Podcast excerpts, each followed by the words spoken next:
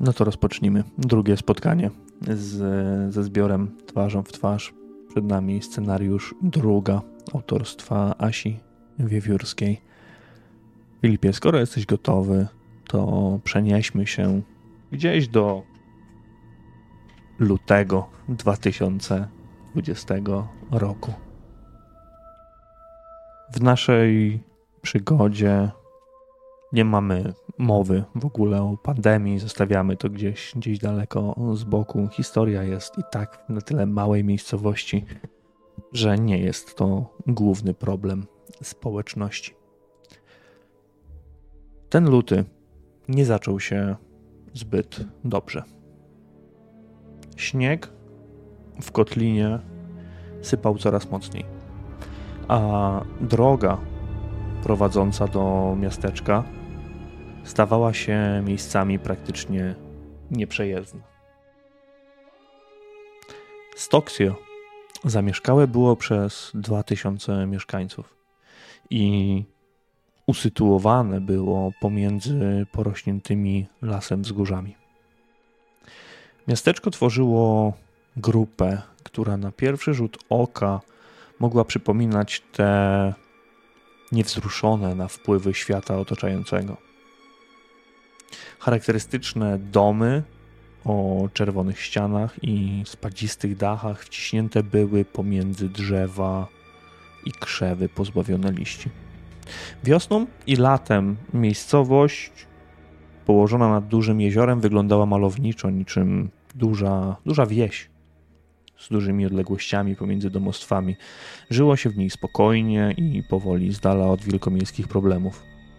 Teraz jednak domy okrył biały puch, a piaskarki czy pojazdy spychające śnieg przyjeżdżały tu zdecydowanie zbyt rzadko.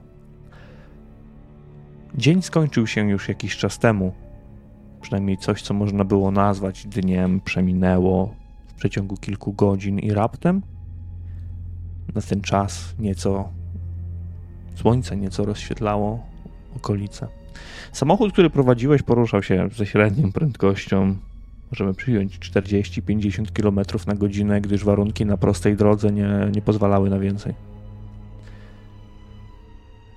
Ormskoldzwik, oddalone o około 100 km od Stoksio, było siedzibą sądu, do którego musiałeś się udać, aby złożyć zeznania w sprawie kilku kłusowników działających w prowincji Helbierg. Wracałeś już stamtąd, zostawiając tę sprawę zamkniętą daleko za sobą. Sferie radio jako jedyne odbierało zasięg w tym miejscu, a prezenterka o ciepłym głosie zapowiadała kolejne opady śniegu na północy kraju. W międzyczasie powtórzono wiadomości sportowe, a kilku krajowych ekspertów piłki nożnej przypomniało zakończony w listopadzie sezon, w którym Djurgarden wyprzedziło jednym punktem Malmö i Hammarby. Sundsvall, leżący około 200 km na południe od Stoksie, z łoskotem spadł z ligi, wyprzedzając jedynie jeden zespół.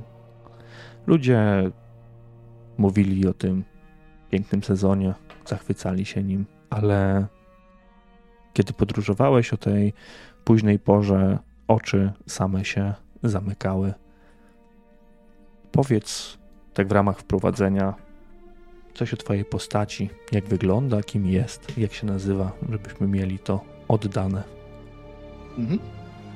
Więc od końca. Nazywa się Olaf Huldgren i jest oficerem policji, detektywem a właśnie w kierunku policji w Stoksio szwedzkim.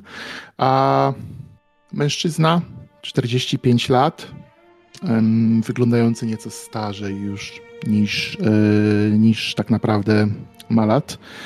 Um, nieco zaniedbany.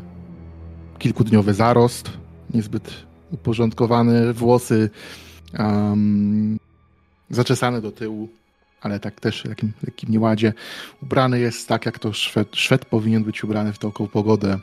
Jakiś sweter, na, który ma, na którą ma zarzucony, e, zarzuconą przepraszam, e, kurtkę policji z herbem na, na ramieniu, trzema koronami na niebieskim tle, zwieńczonymi koroną u góry. Dobrze. Pokonujesz już tak naprawdę ostatni fragment trasy. Mijając skrzyżowanie z leśną drogą, wiesz, że do Stoksy pozostało raptem 5, może 3 kilometry. Światło reflektorów samochodu niesie się zdecydowanie dalej dzięki warstwie śniegu zalegającej na poboczach oraz na drodze. Pośród działających wycieraczek zauważasz w końcu coś jakby kształt człowieka, kobietę stojącą na środku drogi, wpatrzoną w zbliżający się samochód, niczym dzikie zwierzę, które stanęło jak wryte, nie mogąc się ruszyć. Jedyne co robi dziewczyna, to osłania się rękami, a ty masz raptem kilka chwil na to, aby podjąć decyzję. Co robisz? Musisz zatrzymać. Zatrzymać się i, i wyjść. Dobrze. W związku z tym, że nie jedziesz zbyt szybko, ale mimo wszystko chcesz się zatrzymać, ona stoi na środku drogi, będę prosił o ciebie test prowadzenia samochodu na początek. Oczywiście. Udaje ci się.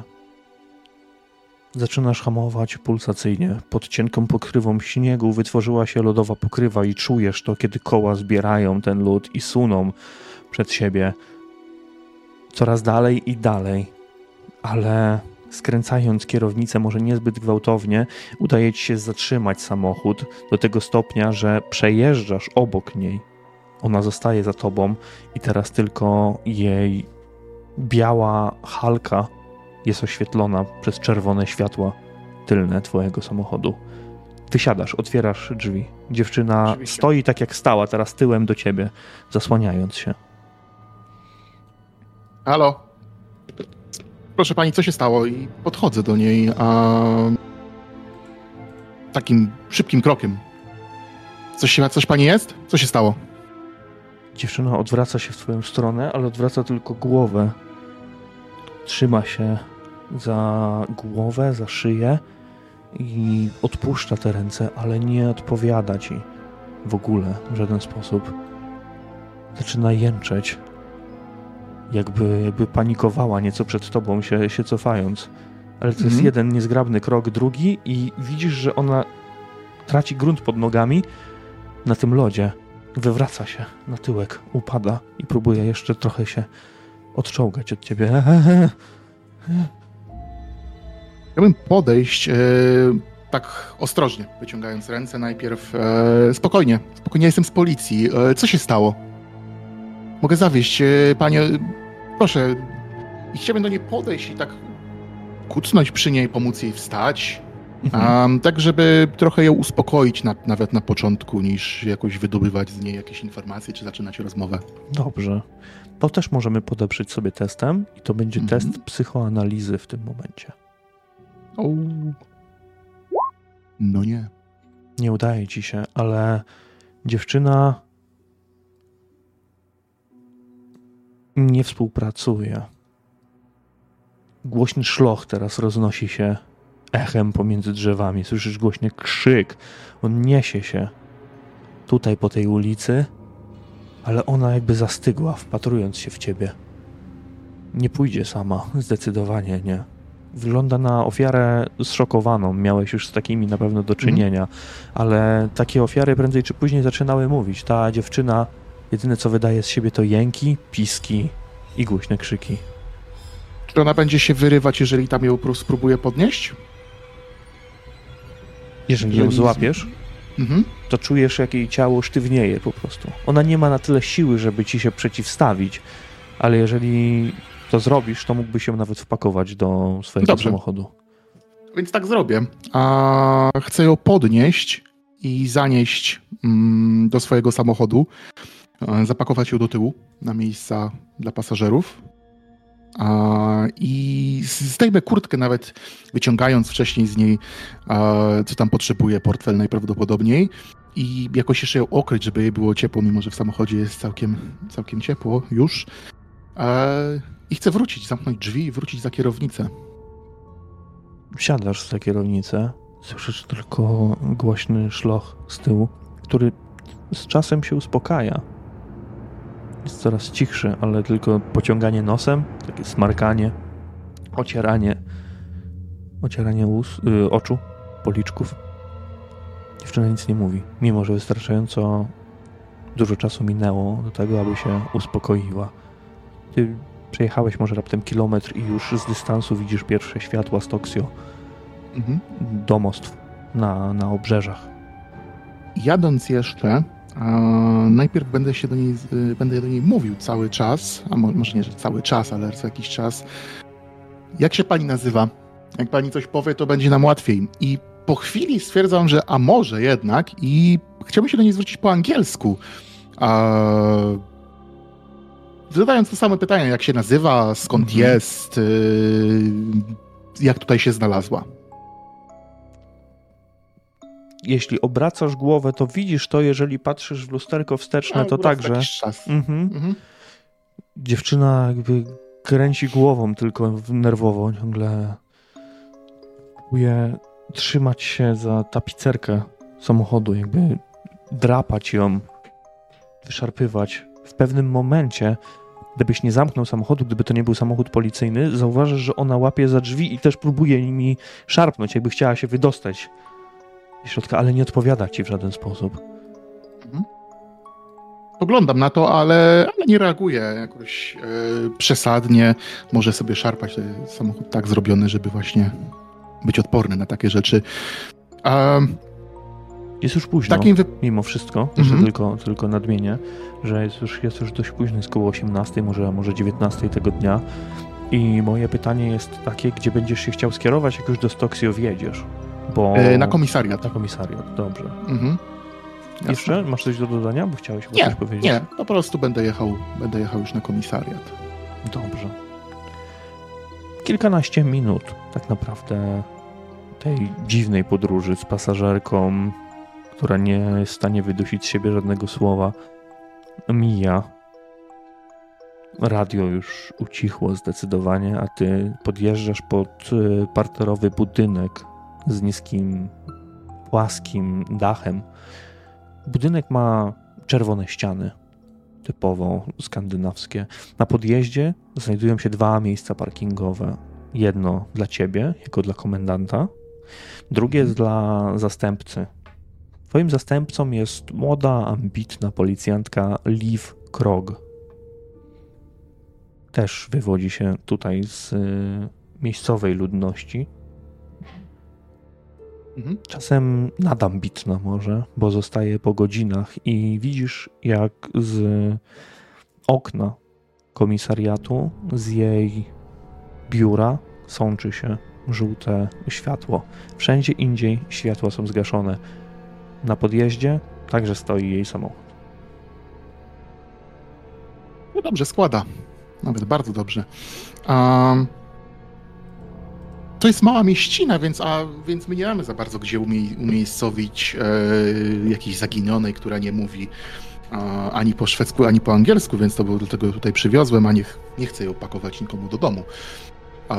Więc zatrzymuję się, wychodzę, wychodzę z samochodu, będę chciał ją wynieść, jeżeli będzie dalej się tak zachowywać, jak się zachowywała tam na drodze, jeżeli będzie iść ze mną, no to ją poprowadzić i wejść na komisariat.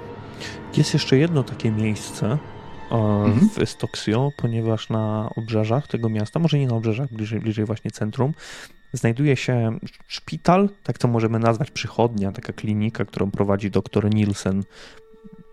Na potrzeby tej opowieści możemy przyjąć, że to jest nawet twój całkiem dobry, dobry znajomy, dobry punkt zaczepienia ale proceduralnie w tej miejscowości wygląda to tak, że jeżeli ty potrzebujesz jego pomocy, to ty go po prostu wzywasz. On przyjeżdża mhm. na komisariat i wtedy dokonuje jakichś oględzin do szpitala. Ciężko, może nie ciężko, ale zazwyczaj, zazwyczaj nie robicie tego w drugą stronę.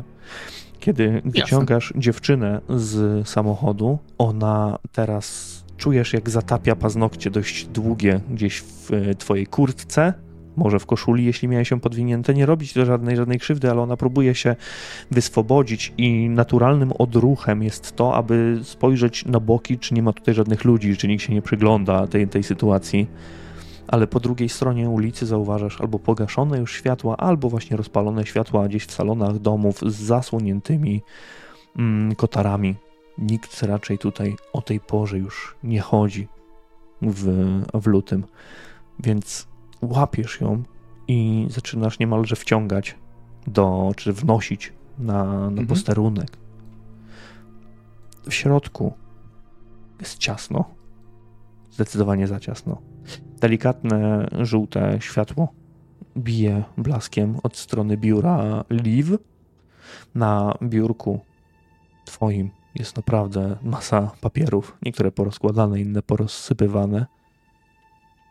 Twoje biuro jest jeszcze mniejsze, jest, jest, jest większe, a biuro Liv jest jeszcze mniejsze niż, niż to twoje. Tak naprawdę ciężko jest się usadowić, przejść. I jeśli chodzi o jakieś miejsce, co możemy nazwać celą, to tak naprawdę macie jedno pomieszczenie, które jest celą grupową. W tym momencie jest mhm. ono puste, no bo w takiej małej społeczności ciężko jest kogoś ciągle trzymać. Przyjeżdża jakiś transport policyjny, albo wy wywozicie takiego delikwenta do większego miasta, tak naprawdę. Więc w tym momencie mógłby się nawet tam wpakować.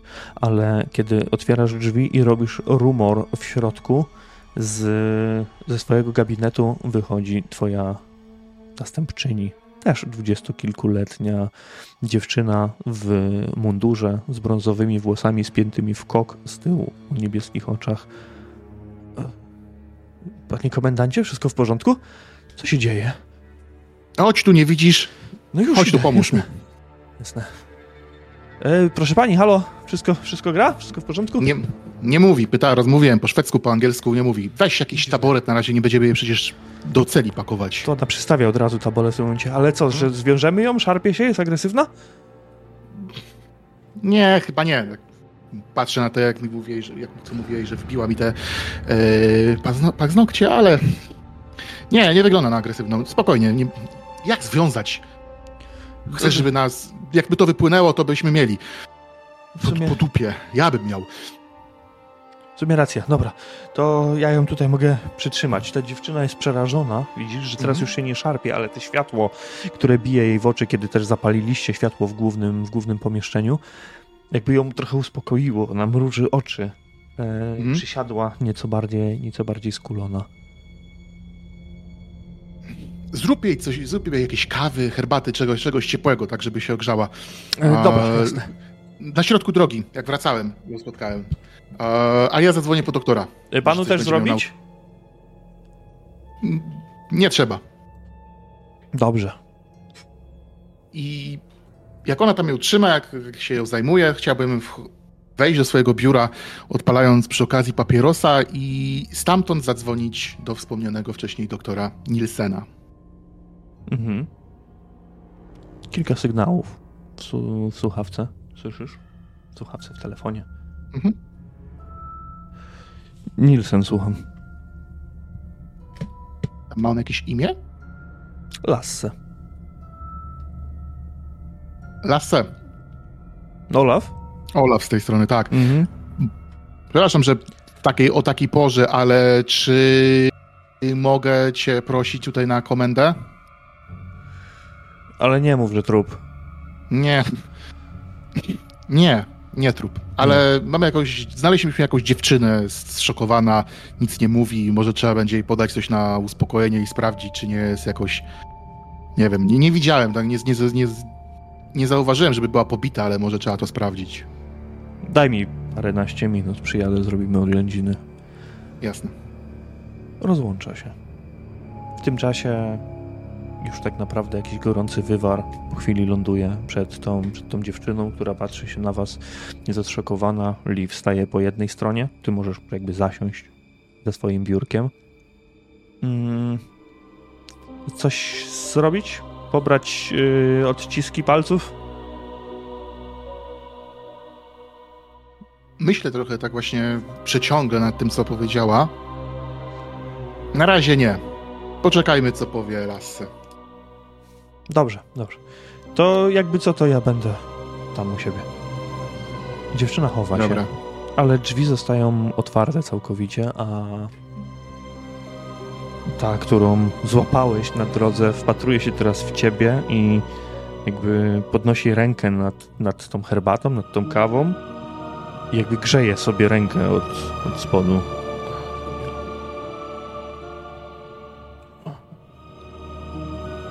I drugą. I tak w, i tak w kółko jakby. Jest już spokojna. Jeszcze zanim przybędzie doktor, dziewczyna zaczyna coś mówić w twoim, w twoim kierunku, w twoją stronę, Mhm. ale posługuje się słowami, których ty nie jesteś w stanie zrozumieć. To nie jest język szwedzki, norweski, duński, angielski, polski nawet. Macie, macie polskich e, imigrantów tak naprawdę w Stoksio, jedną rodzinę, więc też też kojarzysz. Słowa nie rozumiesz tego, ale poproszę cię o przetestowanie twojego języka ojczystego. Ja sobie to, ja sobie to obniżę. A właśnie, zapomniałem jednej rzeczy zrobić. Obniżasz to sobie. Dobrze. Tak jest. Kiedy słuchasz, co ta dziewczyna mówi, zdajesz sobie sprawę, że to jest rzeczywiście język szwedzki. Bo wyrazy wymawiane są bardzo płynnie i kiedy się skupisz na tym, może jesteś w stanie poszczególne słowa jakoś tam zrozumieć albo z kontekstu, ale to nie są słowa mówione w przód, one są wymawiane od tyłu. Ale ona to mówi z zegarmistrzowską precyzją. Ona się nie cofa, Mhm. ona nie musi myśleć nad tym, co mówi. W takim wypadku chciałbym szybko. To jest gdzieś w jakimś w tym głównym wejściu, głównym wejściu, w głównym e, pomieszczeniu tego komisariatu. Tutaj musi być jakieś em, miejsce, gdzie się, jest, gdzie się przyjmuje. em, jakiś kontuar, więc chciałbym podejść, wziąć kartkę i zacząć notować to, Mhm. Tak żeby po prostu mógł sobie później odwrócić e, te słowa. Dobra. To, co ona mówi. Udał ci się, Skoro mówi po udał ci się ten test, więc zaczy- próbujesz to jakby zapisywać. To trochę czasu ci zajmie mimo wszystko, jeżeli będziesz to pisał. E, jesteś w stanie zrozumieć może jakieś poszczególne słowa, kiedy przestawiasz litery, jeżeli jakaś ci, jakaś ci nie brakuje. Ona ich nie literuje, ona je mówi płynnie, więc to jest mimo wszystko, mimo wszystko trudne. A, Znaczy, chodziło mi bardziej na, nawet o to, że ja po prostu zapisuję tak, jak ona to mówi. Mhm, Potem rozumiem, sobie to będę odwracał. rozumiem. Zapisujesz to w takim razie. Mhm. I w tym momencie drzwi się otwierają i wchodzi mężczyzna opatulony w kurtkę z czapką na głowie, z torbą lekarską, już z dość dużym, z dość dużym wąsem i z takim kilkudniowym zarostem na, na, na, na, bo, na bokach. To jest Lasse Nielsen. Eee, Olaf, jestem. Hej, Lasse. Hej, hej. Ach. Pokazuję ją tak nawet nic nie mówiąc. To nasza pacjentka. No dobrze, coś ci się udało ustalić? Dzień dobry pani. Dzień dobry. Doktor Lasse Nielsen, ja panią e, przebadam, pozwoli pani. Podchodzę do niego tak zanim że nawet ona, on podejdzie do Mhm. niej, mówiąc nie reaguje. I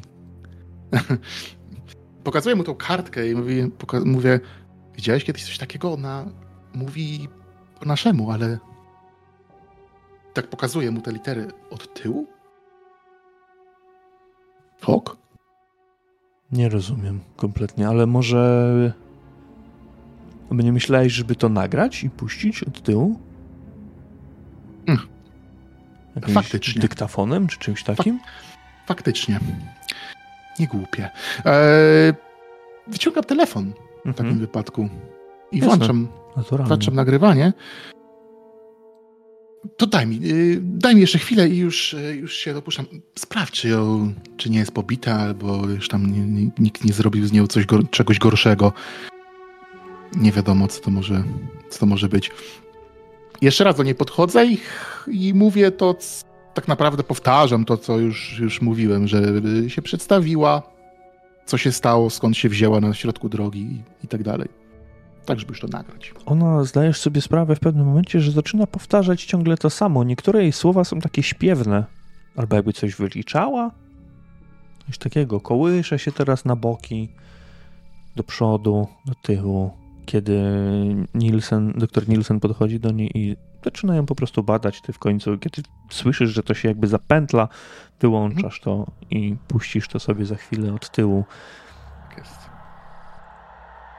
Zaraz przejdziemy do, do tego, co, jaki, jaki raport przedstawi ci doktor Nielsen, ale kiedy poruszasz się w stronę swojego gabinetu, który jest w tym momencie otwarty, widzisz przez otwarte drzwi do gabinetu twojej zastępczyni, że y, Liv, która ciągle coś pisze, notuje, jeszcze wklepuje w komputer, co chwilę jakby spogląda nerwowo w twoją stronę, czy, czy jakby wszystko jest w porządku.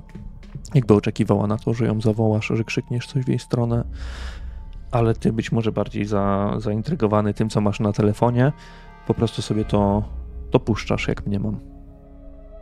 Myślę, że tak.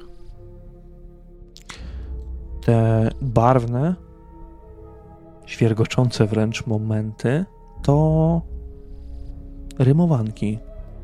Niczym u dziecka. Takie wyliczanki, jak u nas w laskotek na płotek na przykład.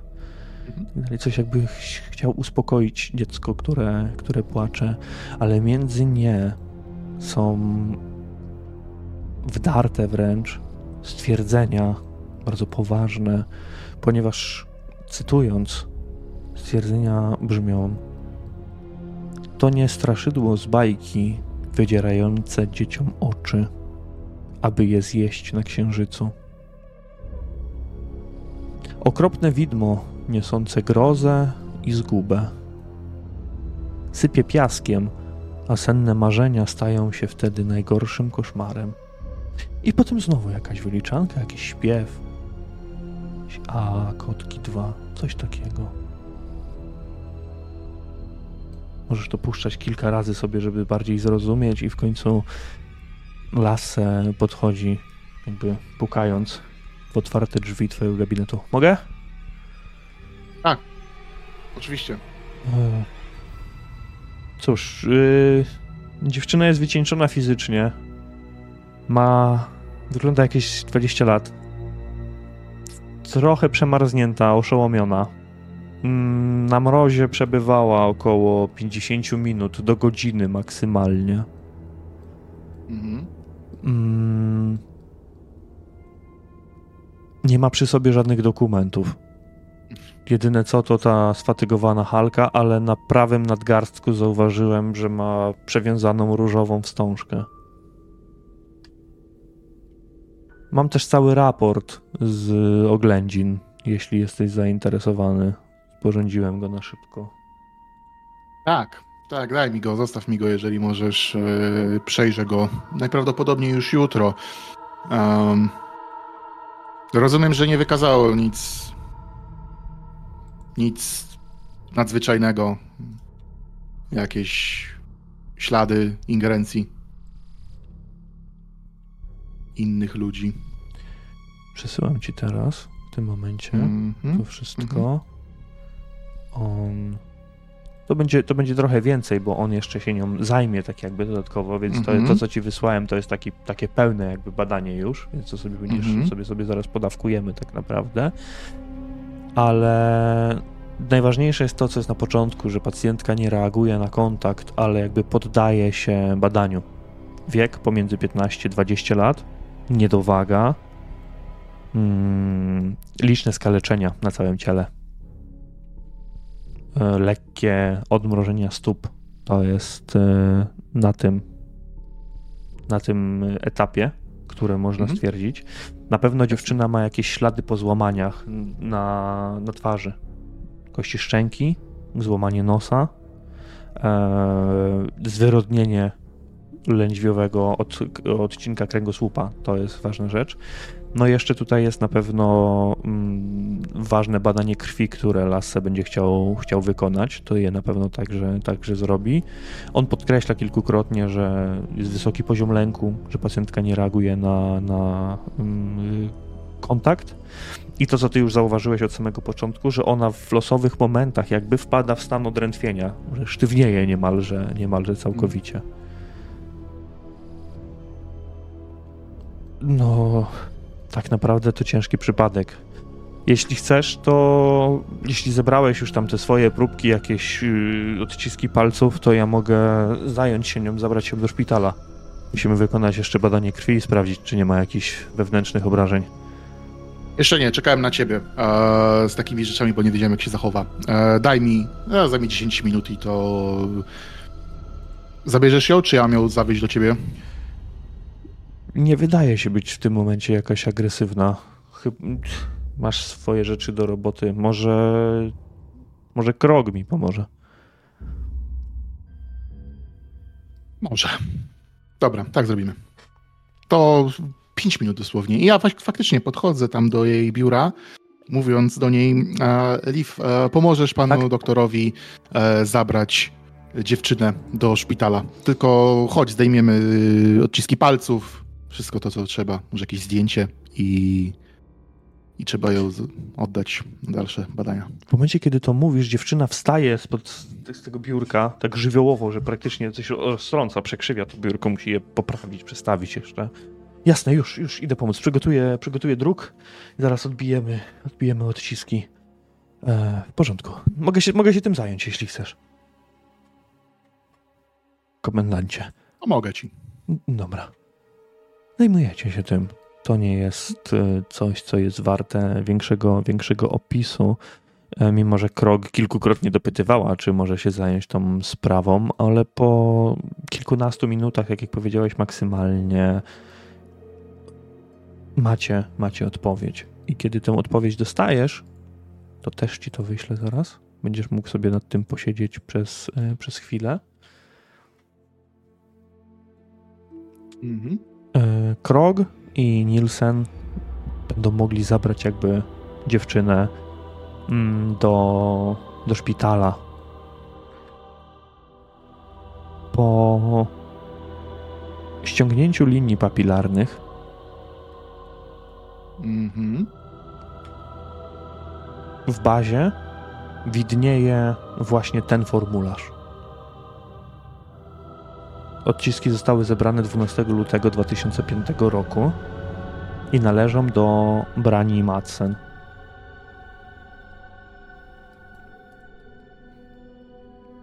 Czytaj się, dam ci chwilę na to. Tak, właśnie. Jak powiesz, że będziesz gotowy, to daj znać. W takim wypadku mhm. Mm. Jest jeszcze jedna ważna rzecz. Wtrącę tak? się, przepraszam. Bo przeczytałeś to, ale wydaje ci się to niemożliwe. Ponieważ Brania Madsen ze Stoksją ma się dobrze. A ty, może niedoskonale, ale znasz ją oraz jej rodzinę. Ponieważ Ingrid Madsen, jej matka, jest twoją kuzynką. I może nie utrzymujecie zbyt bliskich kontaktów, tak naprawdę. Może nawet są one zbyt dalekie i powinny być bliższe. Ale wiesz, że ktoś taki jak Brania Madsen żyje w miasteczku. I ta dziewczyna, będąc w tym szoku, rozgardiaszu, mogłaby jej nie przypominać aż tak bardzo. Może ten obraz też się trochę zatarł, bo dziewczyna, którą znasz, no nie widujesz jej zbyt często. To nie są wycieczki do, do rodziny na popołudniową herbatę. Ten kontakt osłabł, tym bardziej, że Ingrid od 10 lat nie żyje już ze swoim mężem. Więc wycieczki pana policjanta, komendanta to zawsze podwyższony stopień ryzyka w tamtej okolicy, czy przy takich, przy takich odwiedzinach. Ale to nazwisko i to imię przede wszystkim zaintrygowało ciebie jako komendanta policji w Stoksio. Możemy przyjąć, że spojrzałeś na to od razu i się zdziwiłeś. Jeśli chcesz jeszcze zatrzymać Krog, e, właśnie Nielsena i tą dziewczynę, a możemy przyjąć, że zrobiłeś to po chwili, kiedy oni już wyszli. Nie, zrobiliśmy to po, po chwili, której, kiedy oni wyszli. Nie będziemy ich zatrzymywać. Um, ja tak, no przede wszystkim zdziwiło mnie to. Mocno mnie to zdziwiło, bardzo mnie to zdziwiło. Patrzę na zegarek, która jest godzina. A... Myślę, że pewnie już po 20, jeżeli mogę tutaj zakładać. Mhm. Więc nie chcę dzwonić do Ingrid o tej porze już. Jako, że nie mamy jakichś tam wielkich, zażyłych stosunków. Odpalam drugiego papierosa, chcę sobie zrobić teraz herbaty y, samemu. Um, I kiedy już to zrobię, ja chcę usiąść w swoim biurze. Dobra. Um, dolewam sobie też trochę alkoholu z szafki do tej herbaty, robiąc sobie tak zwaną herbatę z prądem. Spoglądam zresztą na butelkę, widząc, że się kończy i że niedługo czeka mnie wycieczka do System Pologot po, po zapasy. I od, chcę odpalić komputer i mhm. zgooglać sobie te, to, co ona mówiła. To, co się zaczynało że od, od słów to nie straszydło z bajki e, dla dzieci bodajże. Chcę w to wpisać i zobaczyć, co mi Google podpowie. Dobra. Czy mamy tutaj korzystanie z komputerów? Powiedz mi, jak to wygląda u ciebie. Myśmy chyba mu rozmawiali, że to będzie korzystanie z bibliotek. To zrobimy tak to sobie jako korzystanie z bibliotek w tym wypadku.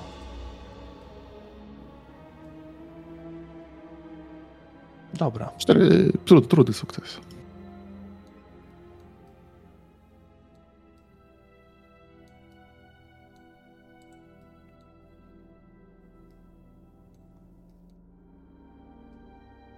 W porządku. Dobra.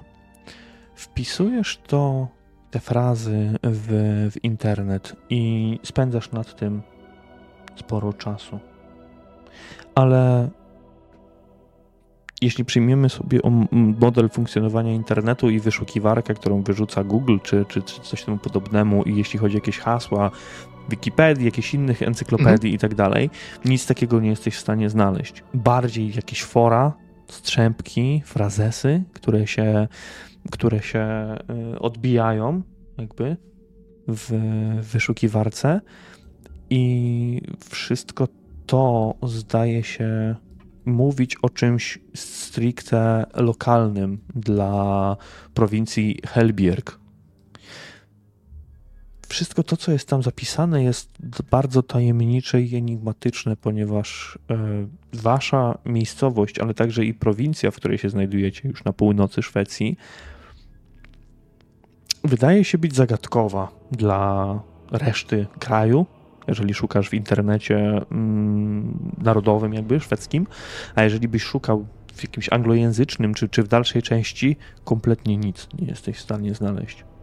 Prędzej w takim razie, co dziwne, mamy 2020 rok, ale prędzej trzeba by było poszukać tego w tradycyjnych hmm? źródłach informacji.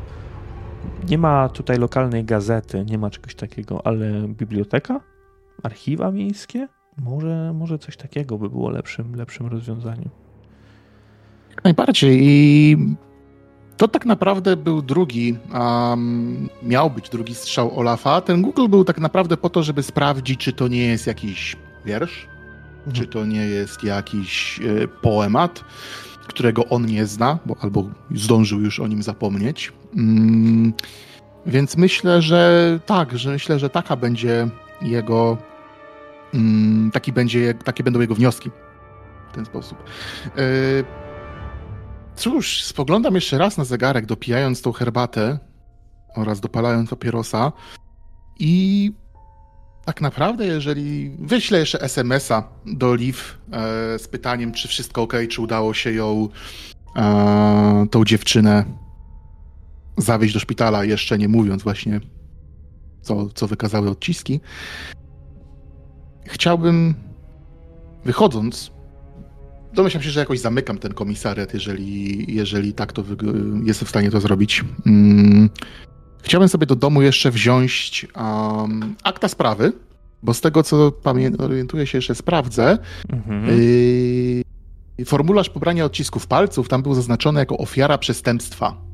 Mhm. I ja nie mogę, mogę, tego nie pamiętać zapewne, więc chciałem sprawdzić e, tą sprawę o sygnaturze BM łamane przez 12, łamane przez 2, 2005. Dobra. To, co na waszym komisariacie nazywacie archiwum, mieści się w piwnicy. Więc po prostu, jakby nie opuszczając siedziby komisariatu, musisz zejść pod ziemię, wejść do, wejść do E, do piwnicy. Jest to małe pomieszczenie, do którego prowadzą wąskie schody z pobielonymi ścianami. Za każdym razem trzeba uważać, żeby nie otrzeć się o nie, nie zostawić sobie takiego charakterystycznego białego nalotu na plecach, na rękawie. Kable zawieszone na suficie co jakiś czas są ozdobione żółtą żarówką, więc kiedy naciskasz przycisk, aby włączyć światło, tylko roz, rozbłyska prowadząc niżej i niżej. Piwnicy czuć chłód i zapach ziemi, ale pomieszczenie wydaje się być w dużo lepszym stanie niż sam komisariat znajdujący się powyżej. Znajduje się tu mimo wszystko kilka szafek na akta, które są wypchane po brzegi. Niektóre teczki leżą na szafkach, gotowe do przejrzenia, skatalogowania. Jednakże nikt na to nie miał nigdy czasu, ani poprzedni komendant, ani ty, ani nawet Liv się, się tym nie zajęła. Stajesz przed tymi szafkami i zaczynasz szukać po prostu. Najpierw datą próbujesz znaleźć, no i po, po sygnaturze tak naprawdę. Nie powinno to zająć zbyt dużo czasu, nie powinno to sprawić problemu, ale przetestujemy sobie jeszcze raz korzystanie z bibliotek.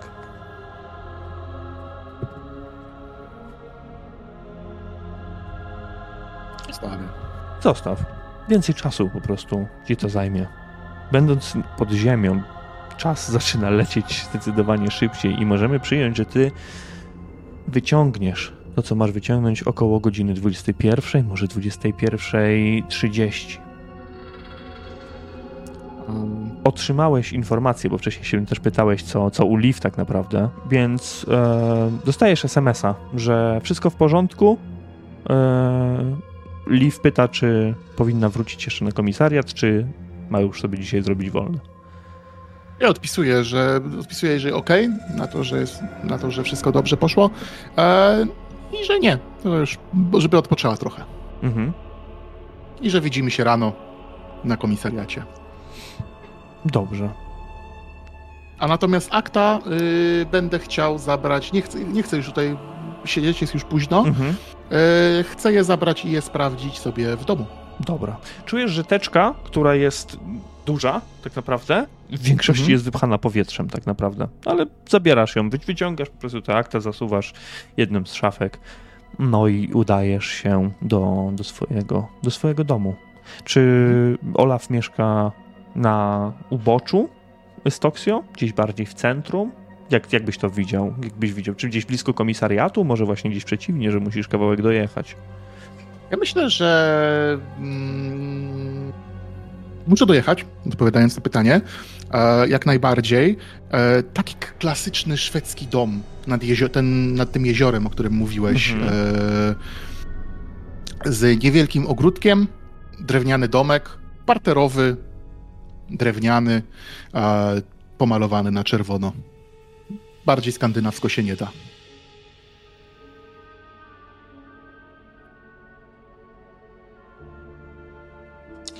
Dobrze, przepraszam. Najmocniej. Docierasz do domu, który jest zacieniony, nigdzie nie pali się światło. Mm, masz jakieś zwierzę? Psa? Kota? Coś takiego? Co mogłoby cię przywitać po ciężkim dniu, kiedy ciebie nie było? Czy nie? Myślę, myślę że nie. Nie Teraz, na chwilę obecną nie. Więc w tym momencie witacie y, pusty dom. Włączasz światło, jakiś dywan rozłożony na podłodze, wygaszony ko- kominek, czujesz ten chłód, który tutaj uderza, uderza w twoją stronę. Okna, które znajdują się gdzieś na wysokości mm, zlewozmywaka, są zaszronione wręcz. Za nimi znajduje się drzewo, które rozkłada swoje długie gałęzie i tak naprawdę osłania całkowicie tę część domu od źródła światła, więc stamtąd bije jeszcze większy chłód. Może nawet przez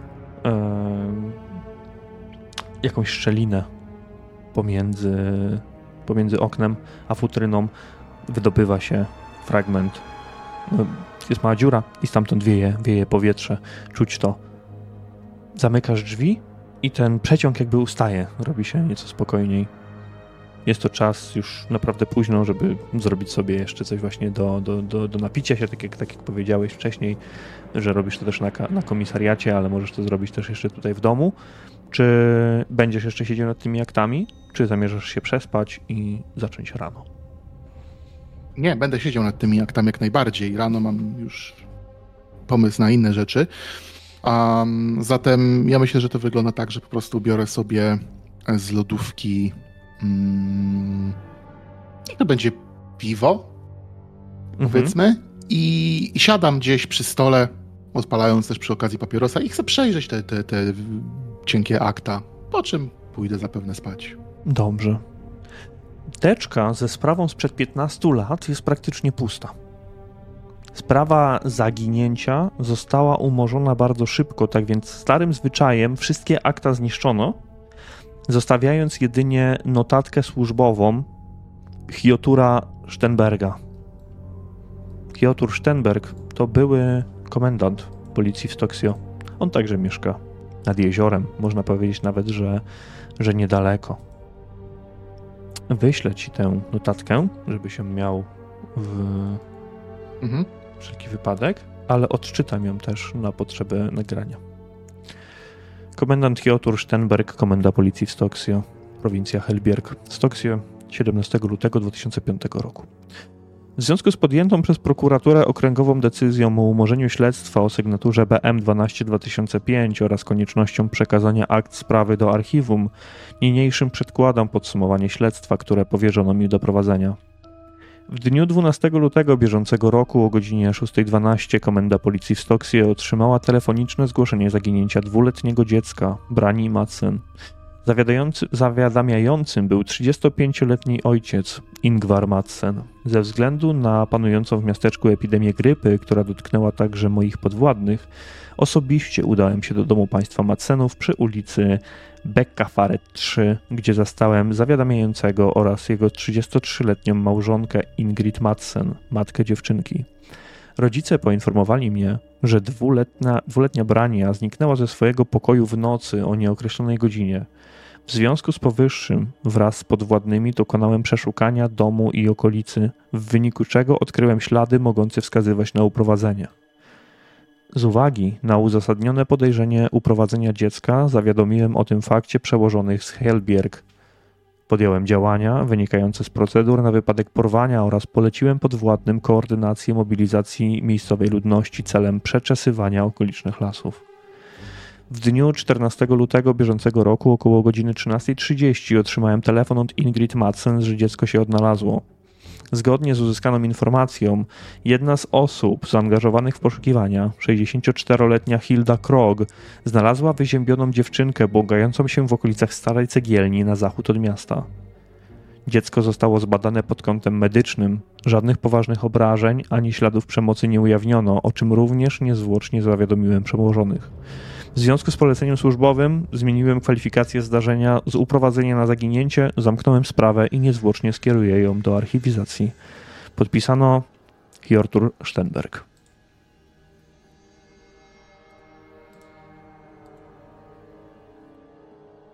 Domyślam się, że Hilda Krog jest związana z Liv Krog, w sensie z powinowacona. Mm, Czy nie, to jest jakaś zbieżność? Możemy. Nie musisz tego wiedzieć, nie musisz mhm. tego znać tak naprawdę, ale jeżeli by tak było, no to patrząc na rozbieżność lat, no to mogła być to babcia jej. No, no to by tak, tak, ale.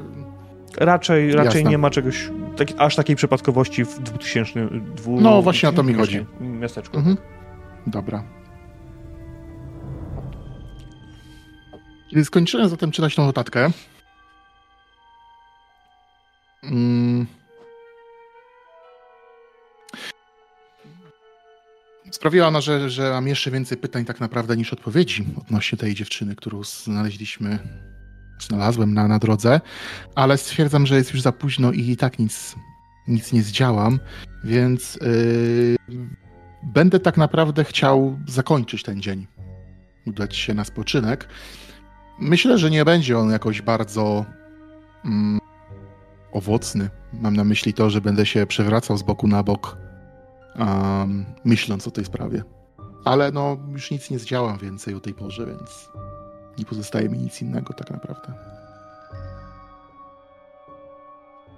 Sprawa zaginięcia Brani Madsen, która miała miejsce 15 lat temu, była poza twoim poza twoją jurysdykcją całkowicie.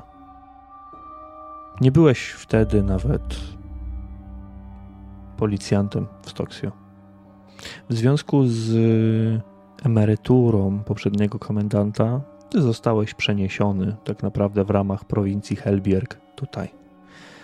Łatwiej było ci się mm, przyzwyczaić do panujących warunków ze względu m.in. na obecność kuzynki, która zamieszkiwała te regiony. Ale wykluczamy możliwość, w której jakby ty brałeś udział w tamtych mhm. wydarzeniach, po prostu nie miałeś o nich nawet bladego, bladego pojęcia. Gdzieś na przestrzeni lat po prostu przybyłeś tutaj. O takich rzeczach się po prostu też za bardzo, za bardzo nie mówi.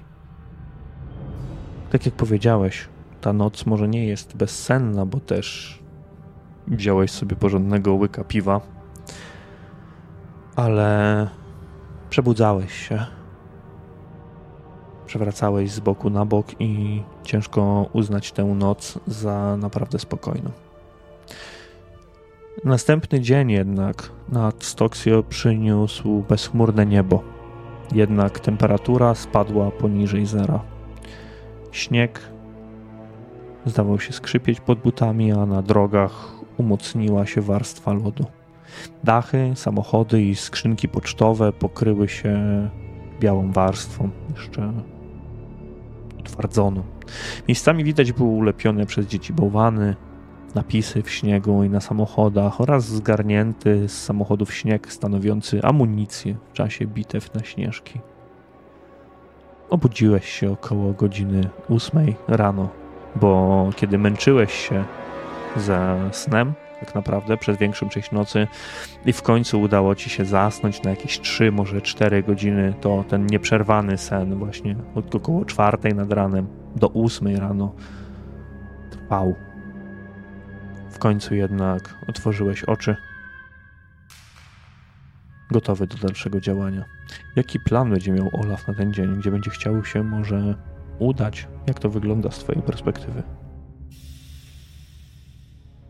Zatem wstanę, ubiorę się, ogarnę się yy, i jeszcze przed wyjściem, albo nie, w sumie nie, bo Liv będzie na komisariacie, więc wsiadam w samochód i jadę, jadę na komisariat, i, ale jeszcze yy, zanim zacząłem jechać, chciałbym napisać, napisać SMS-a. Nie chcę dzwonić, może na, najpierw na, napiszę SMS-a do Ingrid. Domyślam się, że mam numer, to nie jest aż tak, że jesteśmy aż tak daleko od siebie. Mhm. Yy, Hej, czy moglibyśmy się dzisiaj spotkać na, na lunchu? Podaję nazwę może. Pewnie mamy jakiś bar, coś takiego, jakąś pseudo-restaurację w mieście. E, mam pytanie i wysyłam taką wiadomość. Mhm, dobra. Dojeżdżasz, na, dojeżdżasz na komisariat. Mhm. Wysiadasz z samochodu, Widzisz, że samochód Leaf już tutaj, już tutaj stoi. Wchodzisz do środka i czujesz, że gdzieś tam brzęczy ci telefon z mhm, przyjściem, przyjściem, przyjściem wiadomości. Na, na ten moment od razu ze swojego, swojego gabinetu wychodzi Leaf, ale to jest jakby wiesz, połączenie dwóch sytuacji. Ona Jasne. wychodzi mówiąc dzień dobry komendancie, a ty akurat zaglądasz w telefon w tym momencie. Eee, tam jest krótka wiadomość, tam nie ma żadnego hej i tak dalej, hmm. ale Ingrid odpisuje: Jeśli czegoś potrzebujesz, przyjedź do mnie do domu. Odpisuję OK. Dzień dobry, kompetencie. E, dzień dobry. Dzień dobry. E, chodź do. E, padło mi briefing roomu, powiedzmy, nazwijmy to. Mhm. E, zapomniałem teraz, jak to się, powiem szczerze, nazywa. E, do nie, salki. Możecie, możemy przyznać tak naprawdę, że wy jesteście w tym miejscu. Ten komisariat nie jest za duży, tak na, tak na dobrą sprawę, więc Dobra. ta sala odpraw, czy jak tokolwiek, no, no. jakkolwiek to możemy nazwać, to równie dobrze może być twój gabinet, albo właśnie to pomieszczenie główne, w którym, w którym jesteście. Dobra. Mm. Dobra. E, usiąść. Mam e, Prowadzę Jasne. ci o co, co znalazłem wczoraj i będę miał do ciebie pytanie i zapewne też, jeżeli być może też yy, jedno zadanie szybkie. E, mhm. Siadaj. I ja myślę, że. Znaczy myślę, ja bym chciał jej pokazać po pierwsze te. Mm, tą informację o tych odciskach palców, na której właśnie pisze, że to jest. E, te, że te odciski należą do brani. A następnie yy, notatkę służbową byłego komendanta. I kładę ją, mhm. odpalając papierosa i będę czekał po prostu tak naprawdę tą chwilę, jak ona to będzie się z tym zapoznawała. E, I jeżeli skończy, to zapytam, czy Hilda Krok to twoja rodzina? E, e, no, no tak, to, to moja babcia.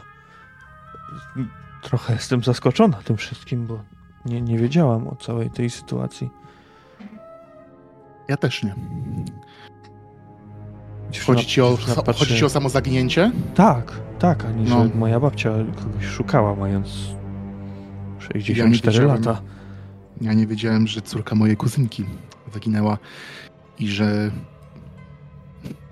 odnalazła się po raz drugi. Znaczy, to jest pewnie jakiś błąd. Ta dziewczyna, którą znaleźliśmy, to jest.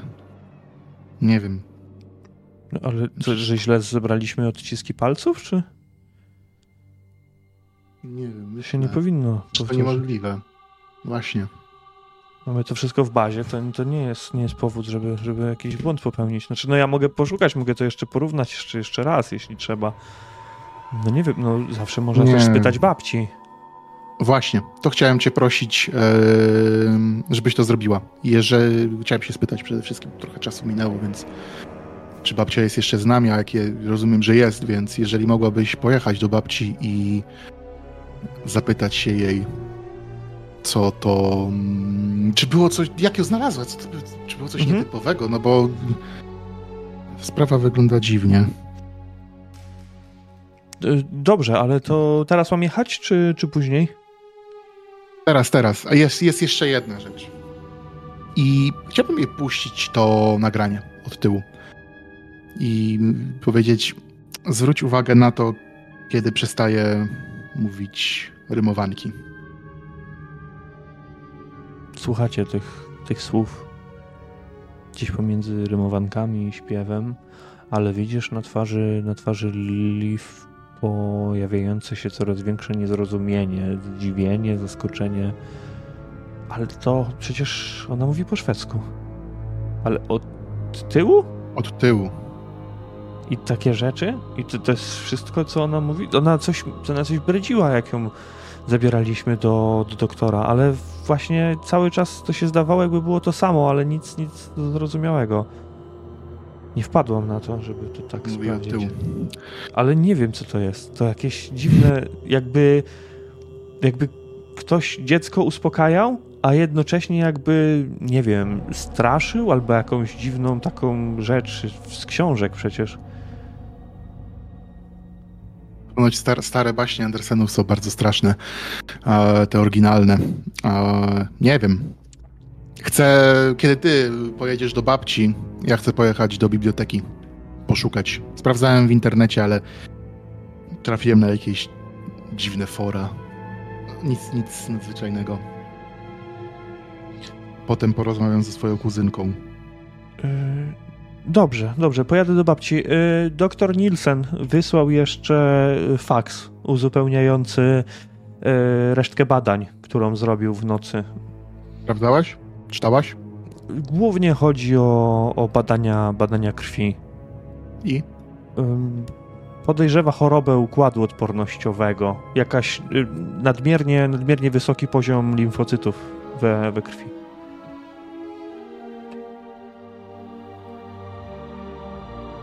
No dobrze. E, ze względu też na to, że ona jest mm,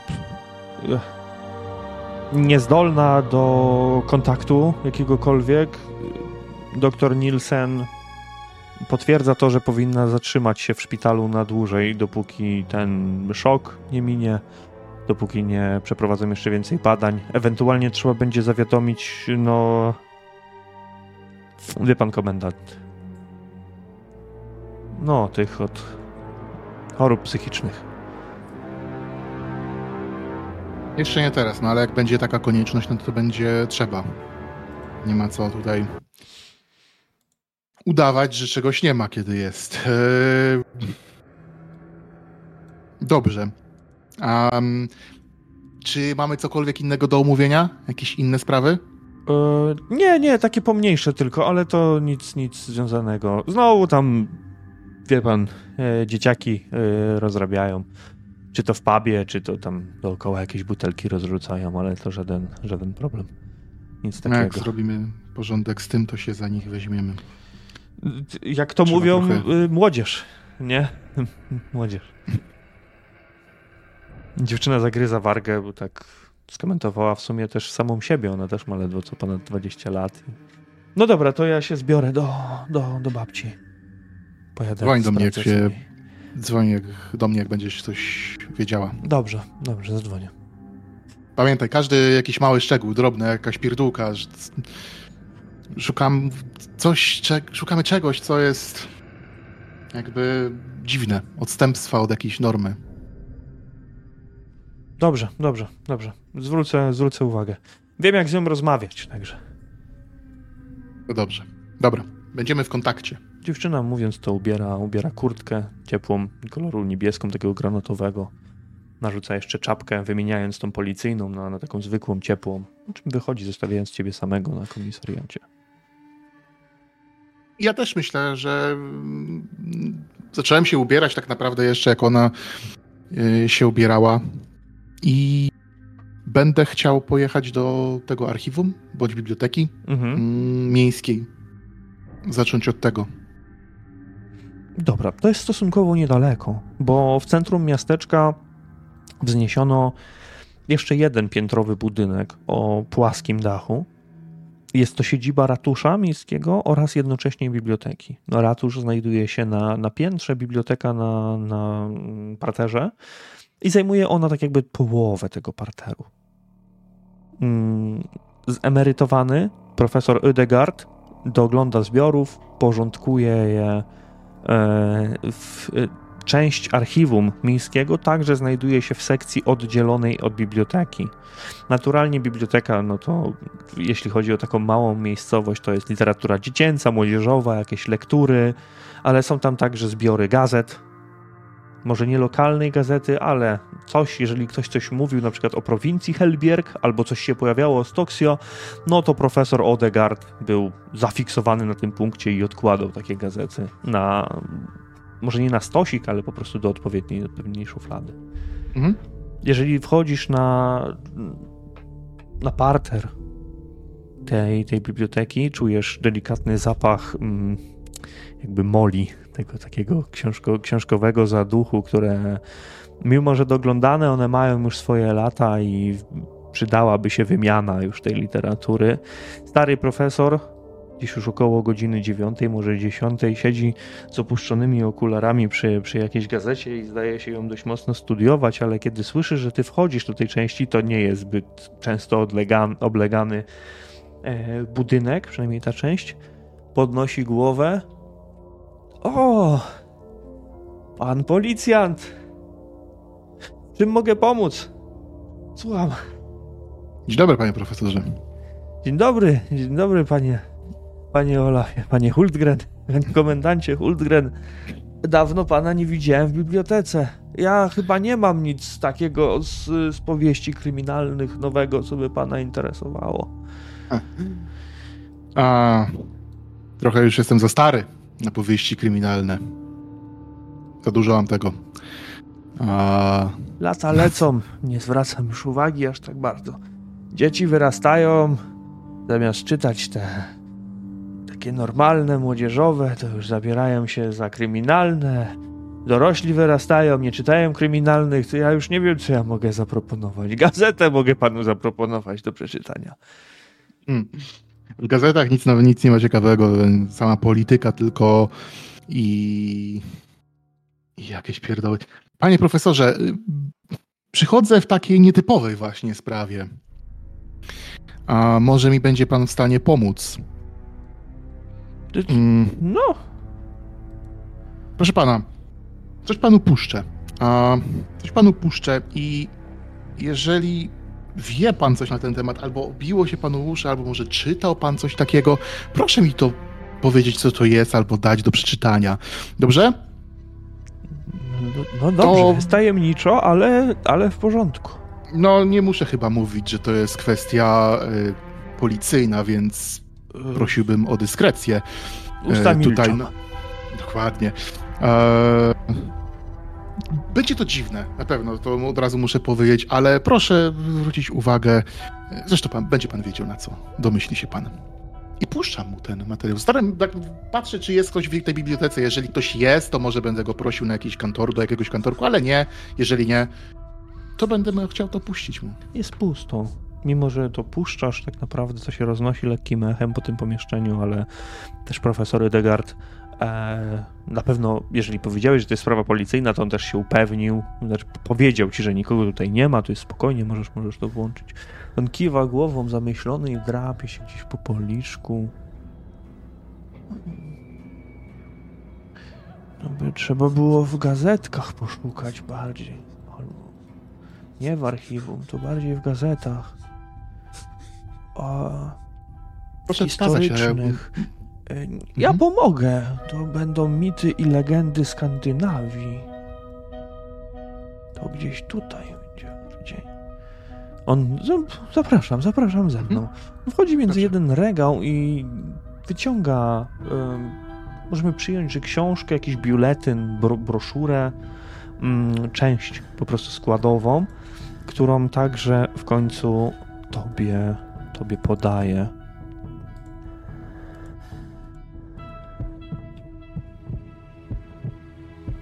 Kiedy szukacie tego, pozwól, że ja też to odczytam na, na potrzeby. Oczywiście. Nagrania. Położona w miejscowości Helbierg. Nie tylko muzyczkę. Osada o nazwie Stoksio powstała pod koniec XIX wieku za sprawą odkrywkowej kopalni Kredy, której złoża znaleziono tutaj w 1889 roku. Spodziewano się, że złoże jest bogate, lecz rzeczywistość szybko rozwiała oczekiwania, co zwykle doprowadziłoby do rychłego opuszczenia trudno dostępnych, gęsto zalesionych wzgórz.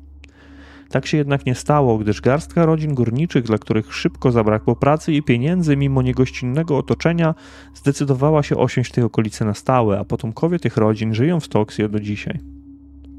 Zważywszy na to, że ludność tutaj napływowa, na, że ludność tutaj napływowa, kultywowane tu zwyczaje pochodzą z wielu regionów kraju w zakresie świąt i baśni, duplikując te opowiadane choćby na zachodzie czy północy rdzennie okoliczne wydają się być tylko te opowieści, które dotyczą nigdzie indziej niezanotowanych w kraju wierzeń o sennym lub piaskowym dziadku, które bardziej zdają się mieć związek z folklorem niemieckim i literackimi bajkami Ernsta Theodora Amadeusa Hoffmana niż z jakąkolwiek ze skandynawskich legend.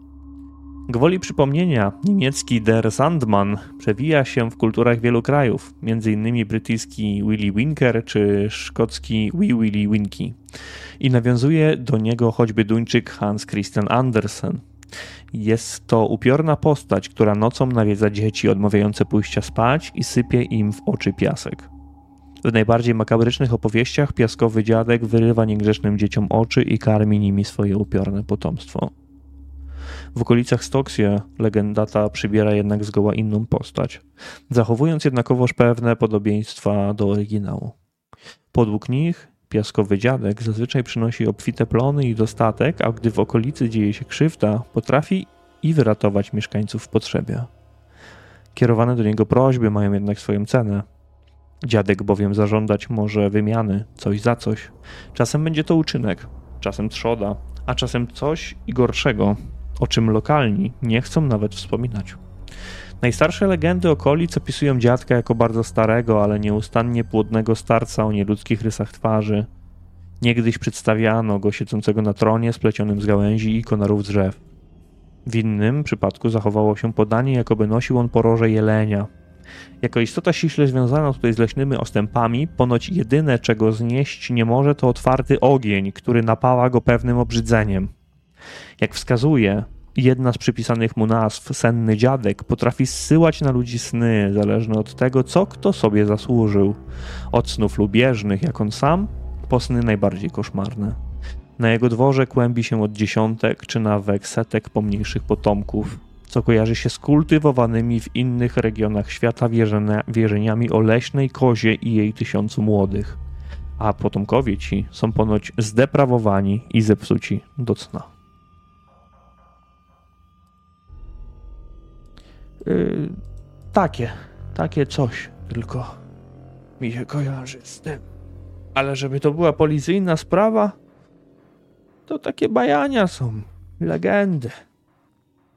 Do bajek Andersen stosował. Wiedział pan o tym, panie profesorze, o tym sennym dziadku? Tak mi się Mhm. coś kojarzyło, że, że było coś takiego, ale to y, teraz, jak sobie tutaj poszukaliśmy, to, Mhm. to tak bardziej sobie odświeżyłem. Ja tam w legendę to jakiś dobry nie jestem. Bardziej mnie zwykła historia interesuje, taka prawdziwa. O królach mogę poopowiadać, a nie o legendach.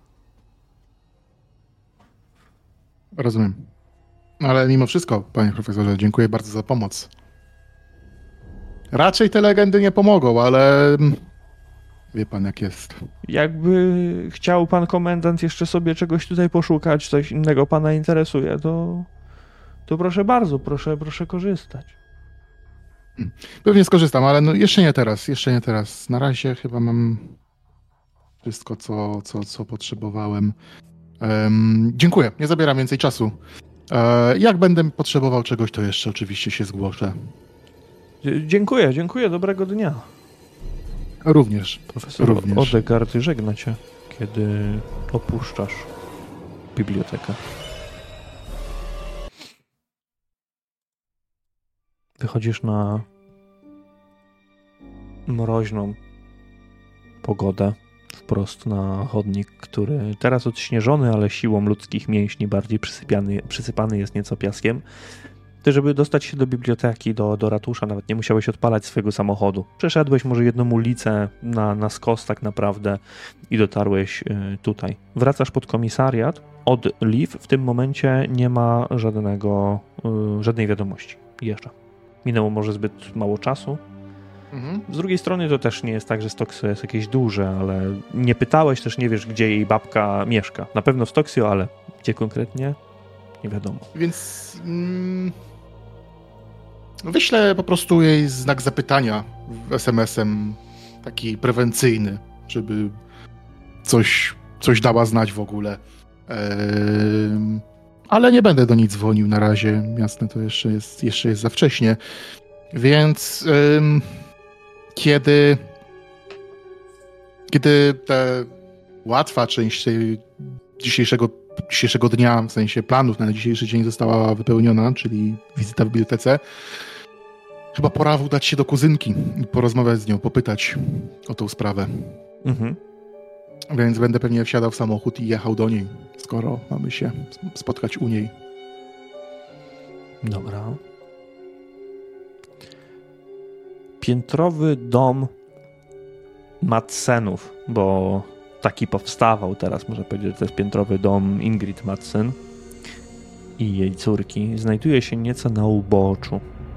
Jego również wzniesiono w takim charakterystycznym skandynawskim stylu. Z pewnością przydałby mu się remont, gdyż na jedną ze ścian, kiedy jedziesz y, drogą, zauważasz, że zaczyna wspinać się roślinność. Mały płotek jest przełamany w kilku miejscach, brakuje mu kilku sztachet. Wielkie okna na mm, całą ścianę przyciągają uwagę, ale widzisz, że są brudne. Ten brud jest przylepiony do nich i to sprawia, że zachwyt nad tym domem momentalnie mija. Nie jest to jednak opuszczone miejsce. Kiedy jakby zajeżdżasz na, na, na podjazd przy tym, przy tym domu, jeszcze przed y, tym przełamanym płotkiem i przed y, bramką, gasisz silnik, zauważasz, że twoja kuzynka stoi na progu drzwi, jakby na ganku, odziana w szlafrok, na który ma zarzuconą ciepłą kurtkę i zaciąga się głęboko papierosem, wypuszczając dym gdzieś w bok. Jest szczupłą kobietą, sztywną, dość niedostępną. To, jak ci odpisała w jakiś sposób, to nie zdziwiło cię, nie powinno cię zdziwić, o tak powiem raczej. Chociaż kiedyś była pełna życia, była aktywistką społeczną. Teraz to jest cień osoby sprzed lat.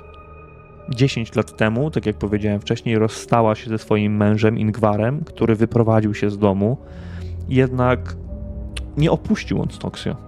Stał się lokalnym kloszardem i bywalcem domu po pomocy społecznej Stoksie. Kiedy już zamierzasz otworzyć drzwi i wyjść, dostajesz SMS-a od, od y, Liv. Jest krótki SMS. Y, Jestem u babci, wszystko w porządku. Dam znać. albo kejka, albo nawet jakiegoś kciuka po prostu tylko. Um, I wychodzę, również odpalając papierosa i będę chciał podejść na ten ganek. Otwierasz bramkę i widzisz, że to podejście tutaj znajdujące się, ono nawet nie jest odśnieżone. Musisz stawiać takie wysokie kroki tak naprawdę, żeby przejść przez ten śnieg, a Ingrid patrzy tylko na ciebie, rzucając jedną fajkę w śnieg i odpalając następną. Czego chcesz, Olaf? Witaj, Ingrid. Dawno nie rozmawialiśmy. Pewnie Ingvar coś odwalił, tak? Nie. Dlatego do mnie przychodzisz. Nie przyjechał. Nie... Czy kiedy przychodzę do ciebie w jego sprawie? Nie. To nie jest już zresztą twoja sprawa. Tak naprawdę. Przychodzę w nieco, ale przychodzę w sprawach policyjnych, niestety. Chciałbym cię zapytać o coś. No to chodź, wejdźmy do środka. Wyrzucam no. tego papierosa. To ona też połowę e... następnego wyrzuca po prostu i, i wprowadza cię do środka. Ja tego nie mówiłem, ale myślę, że to możemy e, uwzględnić, ewentualnie rzucić na szczęście. Ja bym chciał wziąć te akta, które miałem ze sobą te, odnośnie tego, tych poszukiwań, jeżeli mogę. Nie musimy rzucać. Masz je ze sobą. Dobra. Naturalnie. Dobra. Masz je. Zatem to powiedziawszy, wchodzę za nią do, do domu. W domu panuje rozgardiasz, bałagan. To jest duży dom, ale tak samo jak duży on jest, tak duży barłuk stanowi tak naprawdę. Kiedy Ingrid wchodzi do środka, widzisz, że nawet musi podnieść jakieś krzesło i postawić je obok stołu. W jadalni gdzieś walają się jakieś fragmenty mm, ubrań, które ona teraz zbiera, jakby może nie nerwowo, ale tak od niechcenia rzuca gdzieś w kąt, do jakiegoś kosza. Wprowadzacie do, do salonu, w którym znajduje się kanapa, która jest upaćkana czymś. Widzisz jakąś dużą czarną plamę na, na środku, która jest e, okryta kocem, ale dość niefortunnie, także ona wystaje. W kominku pali się ogień, ale to są jakieś dwie szczepki drewna, tak naprawdę już praktycznie dogasające. Chcesz się czegoś napić? Jak masz, to kawy, ale nie kłopot się, jeżeli to problem. To nie będę się kłopotać. Ona wprowadza cię do salonu i siada. Siada w fotelu, pokazując ci ręką, tak od niechcenia, na, na kanapę. Słuchaj, Ingrid. Tak jak już mówiłem, spraw, mam do ciebie sprawę policyjną po pierwsze i drugie, po drugie to może być nieprzyjemne na początku, bo dotyczy pewnej sprawy, z którą jest związana. Ja wyciągam te dwa, mm, te akta, a mianowicie te odciski palców oraz właśnie tą notatkę służbową. Natrafiłem w trakcie badania jednej rzeczy na to i nie byłem w ogóle o tym poinformowany, nie wiedziałem o tym. I jeżeli możesz, to czy możesz mi coś powiedzieć na ten temat? Tego zaginięcia, wcześniej porwania, jak to było opisane, co się wydarzyło?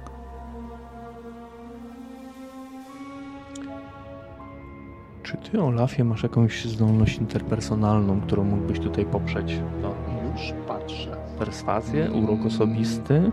Mam Mam perswazję. Mam perswazję. Rzućmy sobie na perswazję. Już dłuższą chwilę nie rzucaliśmy tak naprawdę. Trudny sukces. Widziałeś, że na usta Ingrid cisnął się, cisnęła się jakaś odpowiedź, ale kiedy spojrzała na te akta, pokiwała tylko głową i odłożyła je na stolik. 15 lat temu Brania zniknęła z łóżeczka. Po prostu. Po kilku dniach ktoś ją odnalazł, nie pamiętam już nawet kto. Sternberg hmm? wtedy prowadził sprawę, ale szybko ją zamknął. Jego mógłbyś zapytać. My się cieszyliśmy, że Brania wróciła. Policja się cieszyła, że nie trzeba nikogo szukać. E? Kiedy ją porwali, miała włosy związane różową wstążeczką. Pamiętam. Minęło już 15 lat, no Brania ma teraz 17. Całymi dniami nie ma jej w domu. Podkrada mi pieniądze, gdy nie patrzę. pewnie zaczęła zażywać jakieś narkotyki czy jakieś inne gówno. To trudny czas dla siedemnastolatki w takiej miejscowości jak Stoksio. Zaczęła się spotykać z synem tego Polaka, Marmola, Jakubem? Pewnie on ją sprowadza na złą drogę.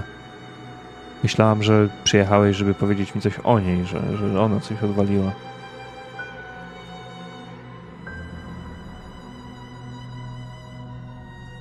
Nie wiem, co mogę ci więcej powiedzieć. No, Jasne. Powiedz, możesz też spytać czy ojca. wolałbym nie, ale no jeżeli będę musiał, to, to jasne, to, to zrobię. Powiedz mi jakiś... Było coś, po prostu zniknęła z łóżeczka, żadnych śladów, żadne... Coś, coś możesz mi powiedzieć na, na, na ten temat, czy... Czy, czy, to, czy to dalej kwestia do Sternberga? Nie pamiętam, chyba było jakieś błoto. Chodź, pokażę ci. Ona Mhm. podnosi się z tego siedzenia i prowadząc cię po schodach skrzypiących na górę, drewnianych schodach, wprowadza cię do mm, pokoju, małego pokoiku. Kiedy wchodzicie do środka, od razu czujesz delikatny zapach y, perfum nastoletniej kobiety. Kilka koszul, jakby męskich, leży na rozkopanym łóżku. Przez oparcie y, krzesła przewieszono spodnie. Na biurku niedbale porozrzucano zeszyty zakrywające klawiaturę przy komputerze. Monitor jest wyłączony, wygaszony. Na ścianach widzisz plakaty zespołów punkowych, takich jak Refused czy Perkele. Dziewczyna, przepraszam, dziewczyna Ingrid, kuzynka twoja, pokazuje ręką na jedną ścianę, tam gdzie teraz stoi biurko. Tu stało łóżeczko, a to okno, i ono pokazuje po przeciwległej ścianie, to są jakieś 3 metry może, raptem, może 4. Um, tu to okno było otwarte i tu były jakieś ślady, ślady błota, tak jakby ktoś wszedł przez okno na piętro, e, wyciągnął branie i ją po prostu zabrał, wyniósł. Zadzwoniłam Rozumiem. na policję, no i zaczęli, zaczęły się poszukiwania. Ale Dwa dni później się znalazła. Ludzie ze Stoksio pomogli i odnaleźli ją. Ale nie, nie wiem, gdzie to było. Po prostu dostałam branie z powrotem. Jasne. Rozumiem, rozumiem. Ty chcesz się tu coś rozejrzeć? Chcesz popatrzeć policyjnym okiem? Nie, po 15 latach. Chociaż. Tak czysto. Mm, znaczy, ja spojrzę, rzucę okiem Mhm. tak na szybko, ale no, tak jak już powiedziałem, no po 15 latach raczej nic nie znajdę, ale tak Rzućmy sobie z spostrzegawczość. ciekawości. Jasne. Sukces. Nie znajdujesz niczego z- po 15 latach naturalnie, ale widzisz spod materaca łóżka na wysokości głowy wystającą wstążkę, niczym zakładkę do książki. Mhm. Notes, taki z zakładką. Widzisz tylko fragment jego, że wystaje, bez jakichś ozdób, coś jakby w rodzaju wiem, pamiętnika, czegoś takiego, to przykuwa twoją uwagę, że jest to jakby schowane, może nie, nie niedbale, ale tak, że no Ingrid na pewno nie zauważyła tego albo nie zwróciła na to uwagi w tym momencie. Czekaj, Ingrid. E, podchodzę i chciałbym to wyciągnąć. I wstążka. Czy to jest taka sama wstążka jak ta na ręce dziewczyny? Nie, nie, inna. Taka typowa, Inna. typowa zakładka do tego, do, do, do zeszytu, taka wstążeczka. E, kiedy wiesz, naturalnie łapiesz za to i przeglądasz, nawet otwierasz może instynktownie jakieś odręczne pismo i jesteś pewny, że to jest, że to jest pamiętnik. Są jakieś daty zapisane.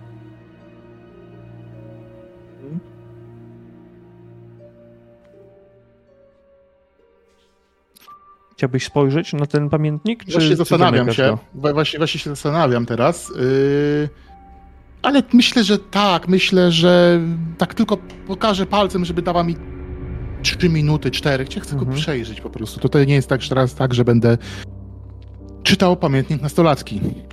Domyślam się. Jedyne, co możesz zrobić, to w związku z tym, że Ingrid powiedziała ci, że brani nie ma tak naprawdę od jakiegoś czasu i też myślała, że ona coś narozrabiała, to wydaje mi się, że instynktownym będzie przewrócenie do najnowszych jakby kartek i zobaczenie, co tam jest zapisane i ja ci te kartki wyślę. Mhm. Ja ci te kartki wyślę.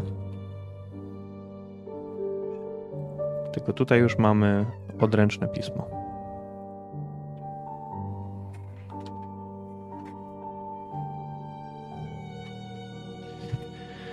I to może być już cięższe no do przeczytania.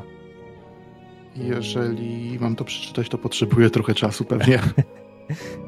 Ja też mogę mieć problemy nadal z przeczytaniem tego, ale na potrzeby nagrania e, mhm. musimy, to, musimy to jakby przedstawić. Jasne. Dobra robota, Branio. Doskonała robota. Matka doprowadzona do białej gorączki po tym, jak wyciągnęłam jej kasę z torebki. Jakub rozkochany po uszy. Wkrótce będzie jadł mi z ręki.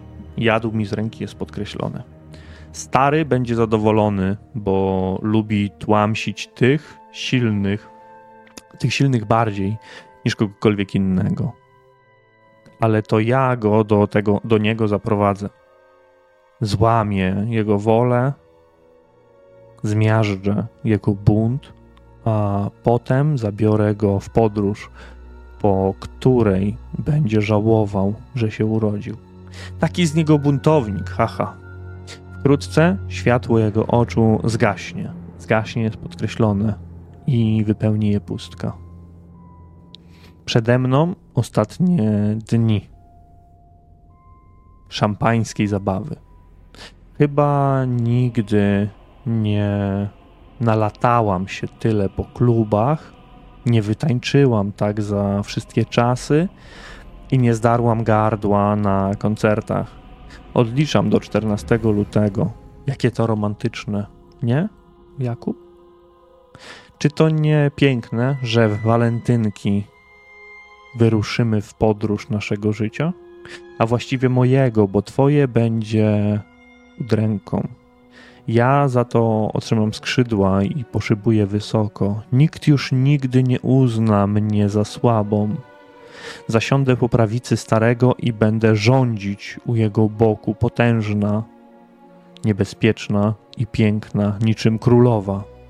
A wszyscy ci żałośni, niewolni, tak, ty też Jakub, będą mi usługiwać.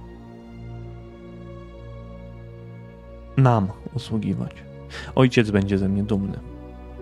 Wczorajszej nocy odwiedził mnie we śnie aby przypomnieć o obietnicy. No jasne, że pamiętam. A co ja niby robię? Tylko dlaczego był taki wściekły? Smutna mina. Co się coś się stało.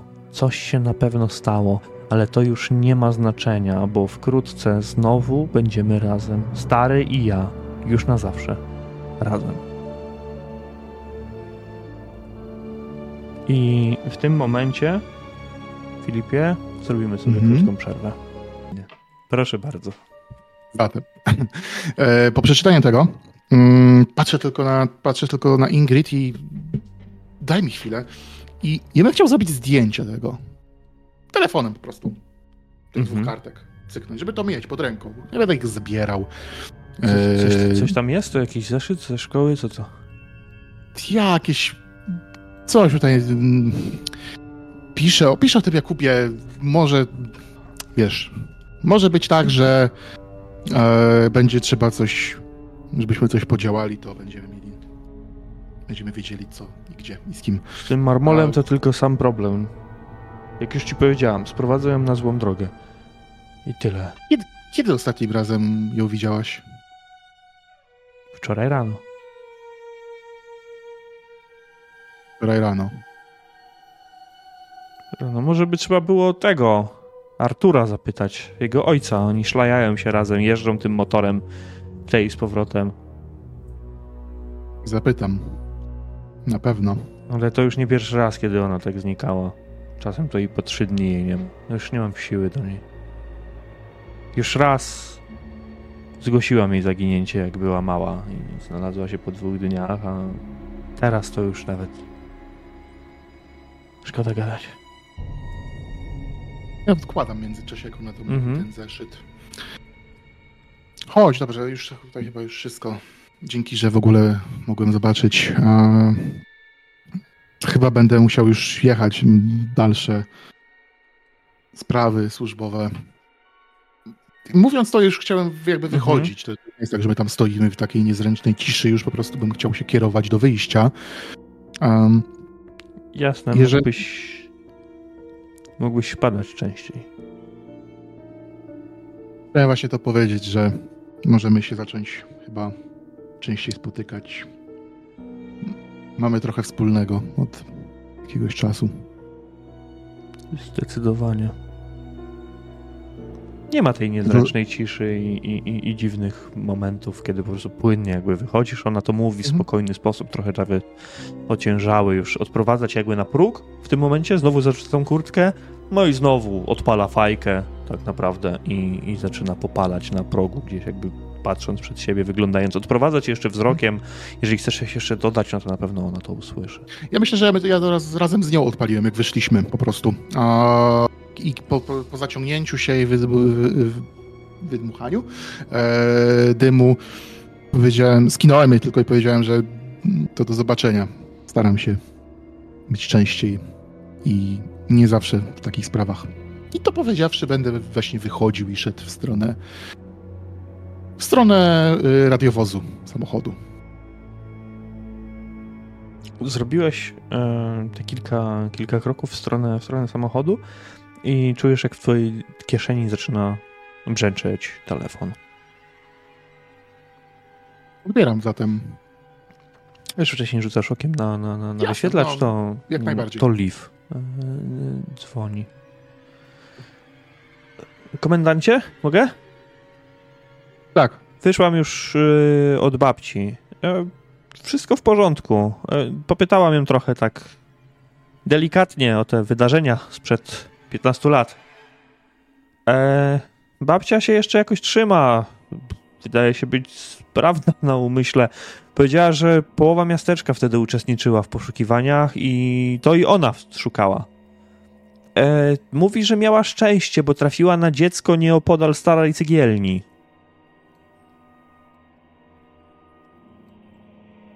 Jeszcze? E, tak, patrzyłam na nią, bo powiedział komendant, żeby szukać jakichkolwiek rzeczy, które nie, nie są do końca takie, jakie mogłyby być. No nie wiem, no po tym, co babcia mówiła, jakby nie, nie brzmiała nie chcę tego mówić, ale jakby wiarygodnie, jakby sama nie wierzyła w to, co mówi, tak jakby... Mów, Liv, co ci powiedziała, wszystko. No nie... po powiedziałam, ale ton miała taki, jakby sama nie wierzyła w to, co mówi. Aha. Tak jakby, jakby pan dziecko na kartkówce odpytywał.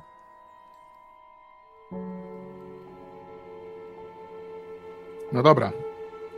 Dobra, to też jest jakaś informacja.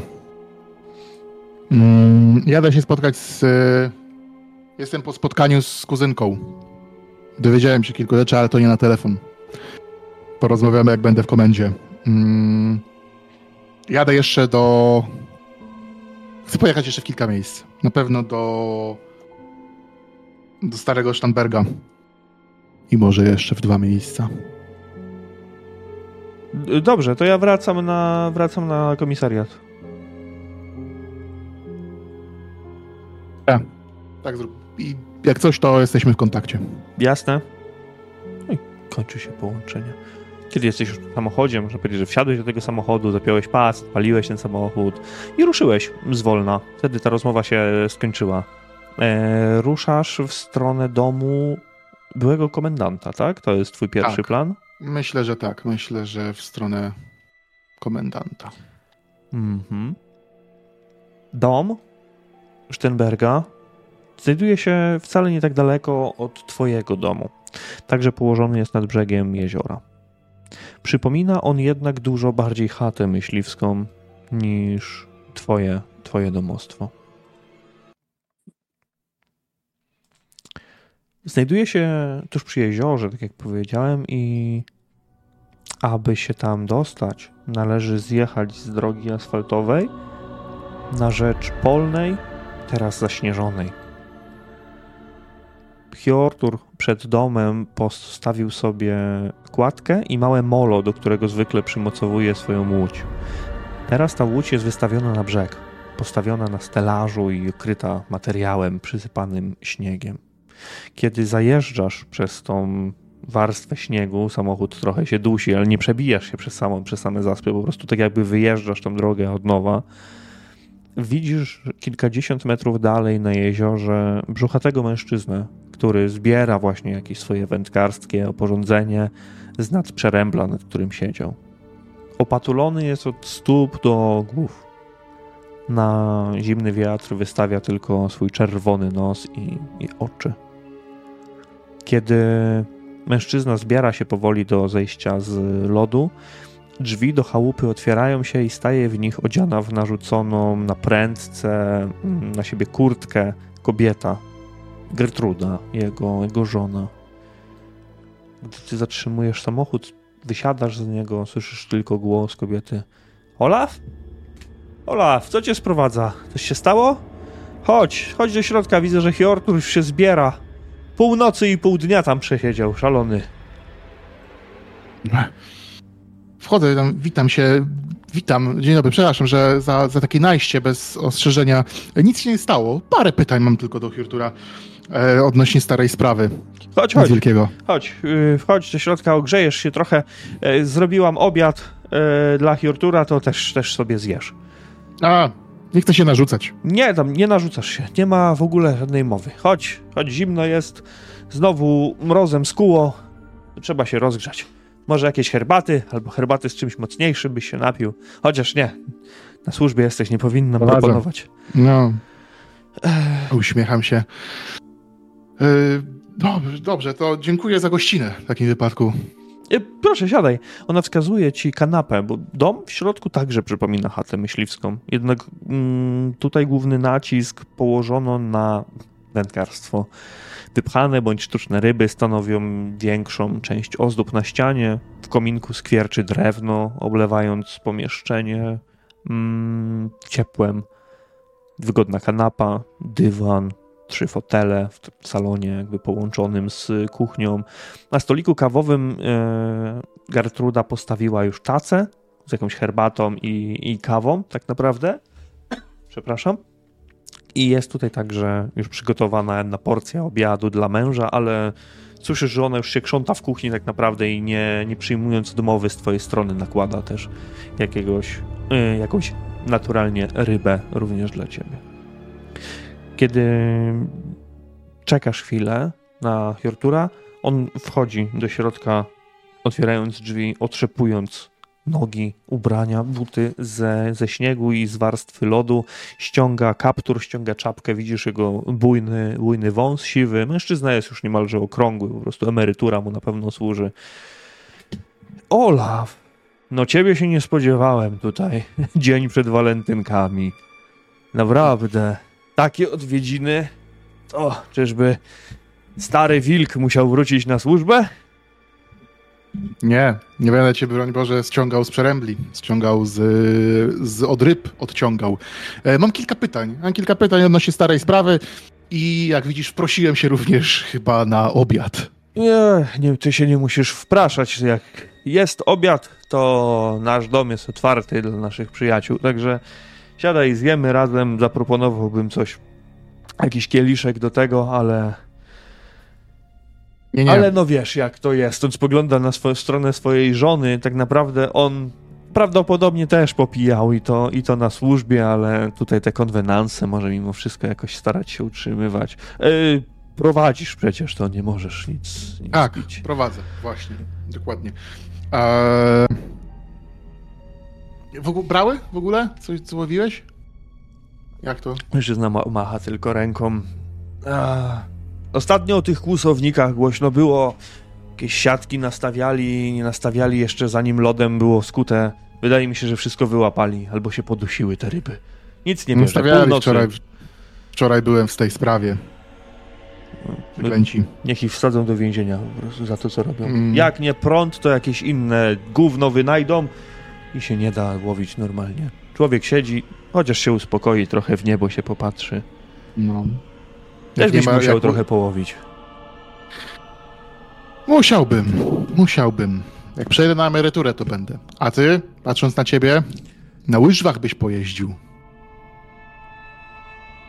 Mężczyzna spogląda się na siebie i na swoją tuszę, a potem zwróci na ciebie. Nie żartuj tak nawet, nie żartuj tak nawet, bo to żadne lodowisko tego nie utrzyma w dobrym stanie. Ale skoro już tutaj jesteśmy i sobie podjadamy, Tak, co cię sprowadza? Właśnie. Jaka stara sprawa? właśnie. Już ci pokazuję. I po raz kolejny tak naprawdę Mhm. wyciągam te akta już, już chyba bardziej przeglądane w ciągu tych kilku godzin niż przez Hmm, całe 15 lat do tej pory. Pokaż mi to. Chodzi o to. O!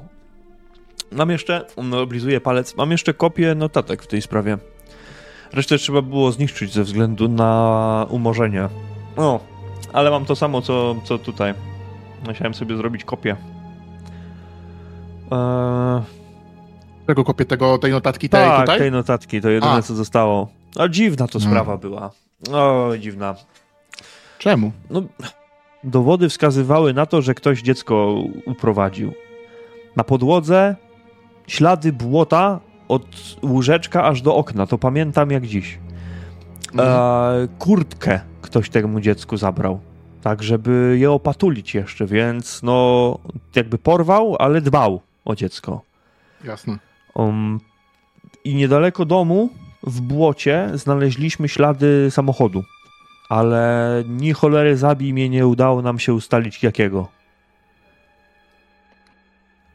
Ale terenowy czy, czy, czy osobowy? Nie, osobowy. Prostafosi? Osobowy, A, zwykły. jasne. Zwykły osobowy, ale nie, nic, nic, co by nam się rzuciło w oczy takiego w mieście. Może to był ktoś przyjezdny tak naprawdę. Wtedy byłem pewien, że doszło do porwania. Zorganizowaliśmy ludzi, e, którzy sprawdzali rozmowy telefoniczne z domu Madsenów, jakby ktoś zadzwonił i jakiegoś okupu żądał. Centrala dostała nakaz, aby przeszukać e, auta na drogach prowadzących na północ i południe od Stoksio, a potem pamiętam, że nakazaliśmy zagęszczenie poszukiwań na drogach międzymiastowych. Jak kamień w wodę. Jak kamień w wodę. I co? I potem dwa dni po zaginięciu dzwoni do mnie Ingrid, płacze. Mówi, że się dziecko odnalazło. Że Hilda Krog znalazła Mhm. dziecko przy starej cegielni. Coś na temat tej, y, tego znalezienia? Jak? Gdzie dziecko leżało na cegle? Podobno w środku, w opuszczonej, w opuszczonej cegielni. Tam zostało, tam zostało położone. Nie szukaliśmy tego. Nie przeszukiwaliśmy tego miejsca, to muszę ci się przyznać od razu. Rozumiem, rozumiem. Hilda przyniosła dziecko razem z innymi ludźmi. Nie. Stary Morten to już nie żyje. Hilda, tak. I tam jeszcze kilku, kilku młodszych. Ale.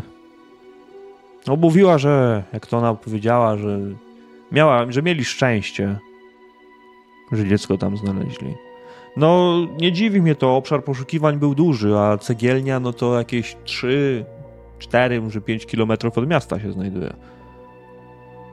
Byłeś tam na pewno, wiesz, to jest e, po drodze na południe. Trzeba skręcić w e, taką leśną dróżkę, ale można też iść e, na przełaj od drogi kilkaset metrów. W takiej niecce się znajduje pomiędzy skałami.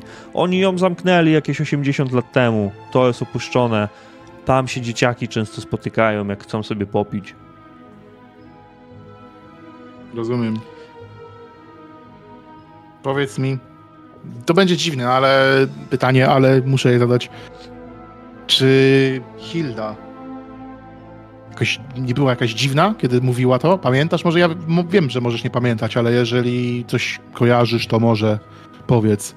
Jakoś, nie wiem, dziwnie się zachowywała, jak to mówiła. Krogowie są z tej części Stoksio, która jest uznawana za tych rdzennych, najstarszych. Kiedyś Mhm. można by powiedzieć, że to taka starszyzna wioski była. Rozumiem. Jakbym, jakbym żył, wiesz, 300-400 lat temu, to bym powiedział, że Hilda to taka wioskowa wiedźma. Coś, coś takiego. No bije od niej taką dziwną maurą, mieszka na uboczu jak jakaś znachorka, ale poczciwa kobieta. Całkowicie poczciwa kobieta. Gdzie ona mieszka? Możesz podać adres? Tak, tak, naturalnie. On ci, on ci podaje Jasne. ten adres, jak on mhm. wygląda, ale to jest na zasadzie, że to jest ulica, która ma numer jeden, tak naprawdę tylko, bo to jest jakaś boczna dróżka, która jeszcze znajduje się w Stoksio, ale tak naprawdę już jest na, na uboczu całkowitym. Dobrze. Ehm... A jeśli mogę zapytać, dlaczego pytasz? Coś się stało? Jakoś mogę pomóc? Powiedz. Ehm... Dziwna sprawa, ogólnie rzecz biorąc. Z... Wczoraj na drodze Wczoraj na drodze e, znalazłem, można powiedzieć, dziewczynę. I dziwny, spanikowana, nie mówiła nic, i, a właściwie, właściwie mówiła, ale dziwnie. E, zaraz do tego dojdziemy. I a musisz, na, naprawdę, to jest, to jest dziwna sprawa, tak więc od razu mówię. Kiedy pobraliśmy jej, kiedy pobraliśmy jej e, odciski, no to system wyrzucił nam dokładnie to i pokazuje te, te odciski, co tam były, ten raport. No, sam zbierałem przecież to. Te odciski z kubeczka, z talerzyka. No, ale jak, brania? Przecież... No właśnie. Nie wiem, nie wiem, co się dzieje. Nie umiem odpowiedzieć na to. Przecież nikt nie ma takich samych linii papilarnych. No po Dlatego... coś zbieramy to do tej bazy. No właśnie. Dlatego jeżdżę po mieście i wypytuję. Staram się być tajemniczy i nie mówić za bardzo, ale no z tobą się stwierdziłem, że podzielę tymi rewelacjami. Tak jakby ją naprawdę ktoś porwał. Ładnie. Hmm. Ale byłem u swojej kuzynki i mi powiedziała, że Brania szlaja się teraz z synem tego Polaka coś kombinuje. Wiadomo. A, z synem Artura. No. No nie, nie dziwi mnie to w ogóle. Oni tam mają tą swoją... Um, jak to się nazywa? Pankową subkulturę. A u tego... U, Ingwara byłeś? Jeszcze nie. Myślę, że czeka mnie ta ta przyjemność. Chcę jeszcze porozmawiać z tym Arturem, jeżeli sądzi, myśli, że to jest dobry pomysł. Powie mi coś, czy... Nie wiem, ja bym poszukał u tego, u Westa w barze. Oni to nazywają jakoś... Kiedyś to było po prostu u Westa, a teraz to nazywają... Jak to było, Gertruda? Jak to się nazywało? Ten bar u, u Herberta. No. Z angielska jakoś. Zom, zombie Drink machinę. Jakoś tak. To w centrum jest. Eee, Ale tam będzie. Kto tam będzie? Ingwar? Nie no, jakbyś chyba tych dzieciaków szukał, bo to taka muzyka i tak dalej. Nigdy nie sądziłem, że w 2020 będę szukał punkowego kolektywu. Moda wraca, jak, jak widać. My tu na północy to wiesz. Jak ktoś ze Sztokholmu przyjechał, czy z innego Jetebori, to się nie dziwię, że cię to dziwi. Tutaj czas się dawno temu zatrzymał. Oj, bardzo dawno temu. Dziwna Dobra. to sprawa. Naprawdę dziwna. Ale... Bardzo dziwna. Nie wiem za bardzo, jak z nią postępować i mogę przecież napisać oficjalnego raportu, że znalazłem kopię mojej kuzynki, która zaginęła, ale się odnalazła, ale tak naprawdę znowu zaginęła. Nie wiem. A, dlatego, tak jak ci mówię, krążę i staram się wypytywać i wyciągać z półsłówek informacje. Wyciągaj, bo to jakby do tego doszło, to dziwne rzeczy by się mogły stać. Jakby jedna drugą spotkała, albo jakby się twoja kuzynka dowiedziała, że ma dwie córki? Tak. Takie same? Nie. A sprawdzaliście, może to jakiś błąd w bazie był? Jeszcze nie, to też biorę pod uwagę. To też biorę pod uwagę. Na razie chcę się rozejrzeć. Jak będzie potem, to. To wiesz. Będę myślał, jak to. Albo Co z tym przycisnąć, zrobić? przycisnąć tą nową. Niech wyśpiewa Nic co nie- nie. Nic nie mówi. Znaczy mówi, ale. Też jest dziwne. Mówi od tyłu. I No szepta masz jak... ci los, mówi Gertruda, która zbiera talerze od was. Co to No. w ogóle są za dyrdy mały? Jakbyście się jakichś programów w telewizji naoglądali dziwnych, doprawdy. Odchodzi z talerzami. Ja teraz ściszając głos, bo tak naprawdę jej nie zauważyłem. Nie ma z nią kontaktu. Mówi jakieś wyliczanki, jakieś takie wierszyki, wiesz, jak dla dzieci. Pani Janie i inne takie No. pierdoły. Po czym nagle, po, wszystko od tyłu w ogóle, po czym nagle zaczyna mówić jakieś jakieś bardzo dziwne, coś jak wiersz, jak też rymowanka, ale taka straszna. Wiesz, tak jak kiedyś u Andersena. Te stare, takie oryginalne. Aha. I to tyle. I zapętla się, jak zdarta płyta. Nie chcę jej przyciskać, no bo jeszcze jej coś się stanie z głową. Myślałem prędzej, żeby znaleźć tą, tą odnalezioną i ją przycisnąć. Ale to najpierw trzeba ją znaleźć.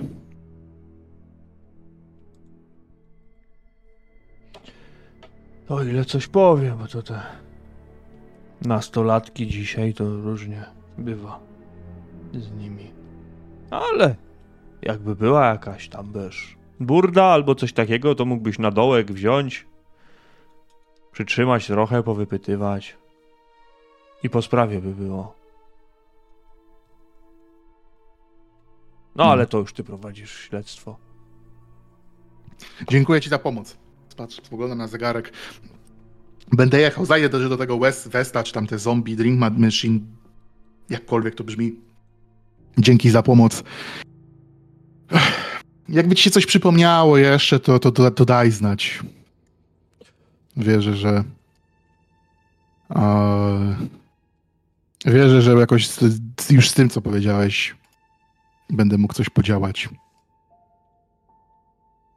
No, no, no dobrze, naturalnie.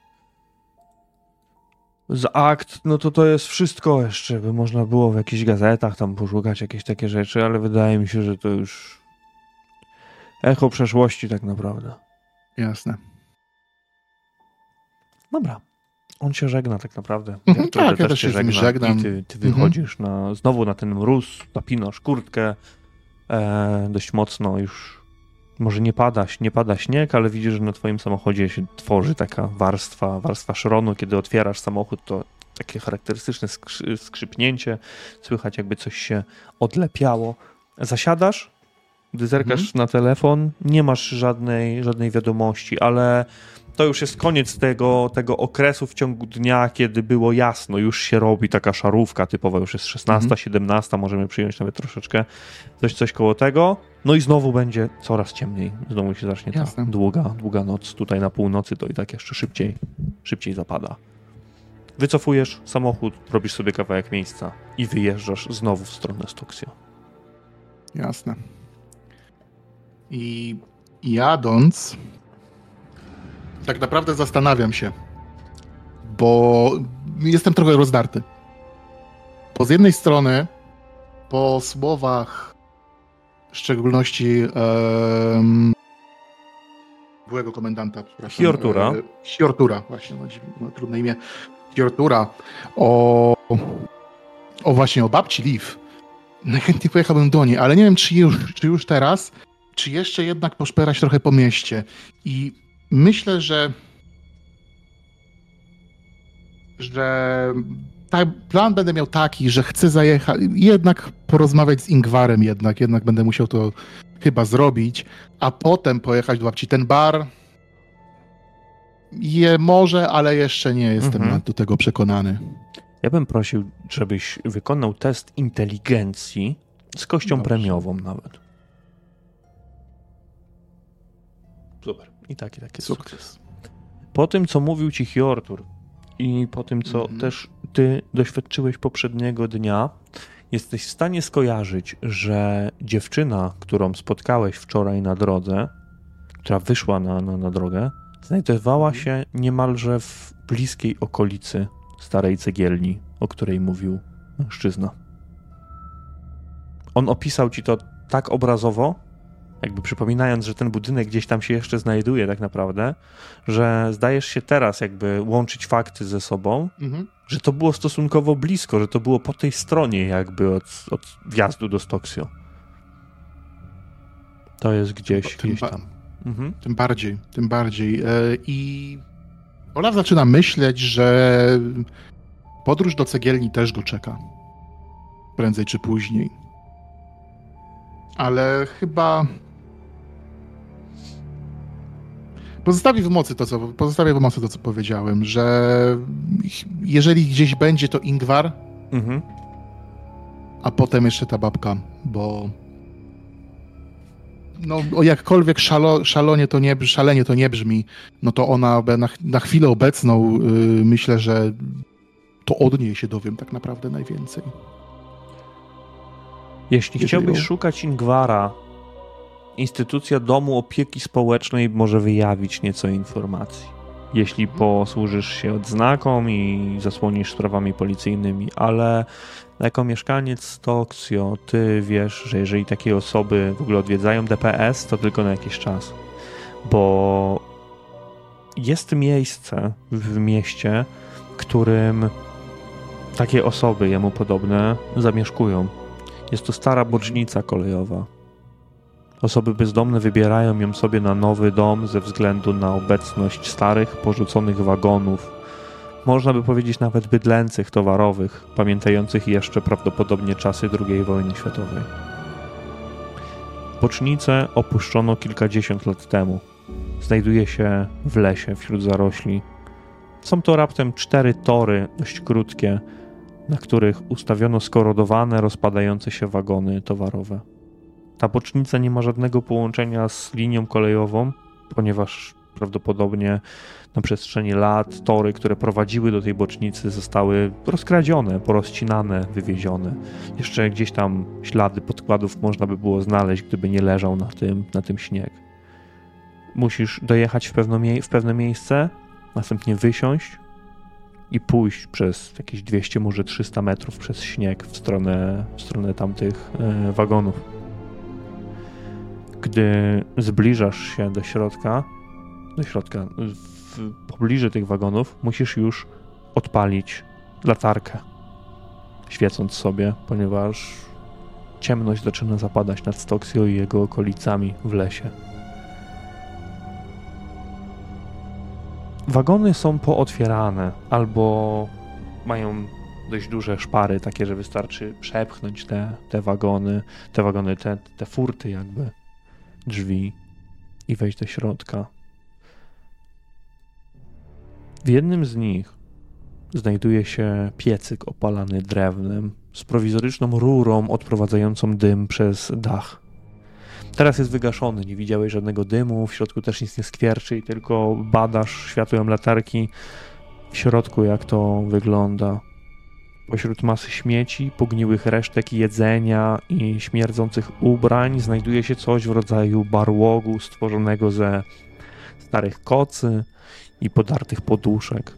Smród, kiedy otworzyłeś mocniej drzwi, staje się aż nie do zniesienia. Widzisz mężczyznę, który leży zagrzebany wśród kocy. W rękach trzyma zaciśniętą półlitrową butelkę po, po wódce, a do siebie przytuloną ma jeszcze jedną pełną. Mężczyzna jest zarośnięty niczym kloszard z filmów. Smród, który bije od niego, jest połączeniem kwasu, potu i alkoholu. Rapie wręcz głośno. Widzisz tylko czubek jego, jego głowy i tą, i tą flaszkę, którą on przytula do siebie. Mhm. Rzucam na niego światło, na jego głowę. Mhm. Domyślam się, że to on, czy, nie- czy jeszcze nie? Tak, naturalnie. Dobra. I krzyczę. Wstawaj, Ingvar. Wstawaj, kurwa. Gwiżdżę tam, żeby go obudzić. Mężczyzna zrywa się tylko trochę, słychać jak ten brzęcząca butelka toczy się po, po, po tym wagonie i wypada po drugiej stronie gdzieś w śnieg. Czego? Co? Nic nie zrobiłem. Wypierdalaj tutaj na zewnątrz. Olaf, Smro- śmierdzisz. Odpierdol się, Olaf, nic nie zrobiłem. Wyjdź z tego gówna, bo chcę z tobą porozmawiać. Jak nie będziesz ze mną rozmawiał, to wiesz, kurwa, jak to się skończy. Już! On się wygrzebuje powoli, ale chcę, żebyś dorzucił tutaj mm, e, psychologię, perswazję albo zastraszanie. Mm, psychologię albo... Psychologię, perswazję, perswazję albo zastraszanie. Albo zastraszanie. Yy, już. Patrzę, co mam, czego mam, ile. Yy, perswazję. 63. Mężczyzna wytacza się z tego barłogu, zabiera te koce ze sobą, bo aż dygocze z zimna, kiedy wychodzi na, na śnieg. Cze- Czemu, czemu nachodzisz mnie tutaj? Nic nie zrobiłem, cały dzień jestem tu. Posłuchaj mnie teraz. Mam do ciebie pytanie, albo i dwa. Jeżeli ładnie na nie odpowiesz, to może czeka cię coś dobrego dzisiaj. Tak więc będziesz ładnie współpracował? Czy będziesz beblał jakieś bzdury? No, no mów, co chcesz wiedzieć, pomogę ci. 2005. Córka twoja zaginęła. Pamiętasz to? Czy już ci do, koń- do końca woda zeżarła mózg? To, to wasza rodzina jest popierdolona. Przez was się stałem tym, kim jestem, z domnym Menelem. No, pamiętam. Pamiętasz czy nie? Oczywiście, że pamiętam. Co się wtedy wydarzyło? Mm. Brania. Jak ją odnaleźli, to to nie było moje dziecko. Wiem to. Jakby ktoś ją kurwa popsuł. Inaczej się zachowywała już. Samą samą obecnością w domu powodowała, że chodziliśmy wkurwieni na siebie, zawistni tacy. Zaczęliśmy się wtedy kłócić z Ingrid. Ja niektórych wydarzeń nie pamiętam, ale jakby tak jakby się działy w amoku, a nic wtedy nie piłem. Nic. I... I wtedy... Wtedy uderzyłem Ingrid. Tak jeden raz. Pierwszy raz w życiu. Ostatni. I straciłem przytomność. Jak się obudziłem, to w drzwiach pokoju stała Brania. Miała taki złośliwy uśmieszek na twarzy. I wtedy sobie powiedziałem, nie, nie, nie, to jest koniec. I wyniosłem się z domu. Mieszkałem w jakichś motelach, w różnych miejscach, jak była praca i pieniądze. Ale skończyło się. Od tamtej pory widziałem ją daleka, raz tylko z jakimś takim młodym firycykiem na motocyklu jeździli. Słuchali muzyki z głośnika, palili coś. Chyba, chyba fajki albo jakieś inne gówno. I już miałem podejść, przywitać się, powiedzieć hej, ale ona, ona nim pomiatała jak jakimś sługusem, a on taki zapatrzony w nią z jęzorem na wierzchu wszystko robił. I tamtego dnia znowu się odwróciłem i odszedłem. To to nie jest moje dziecko, mówię ci.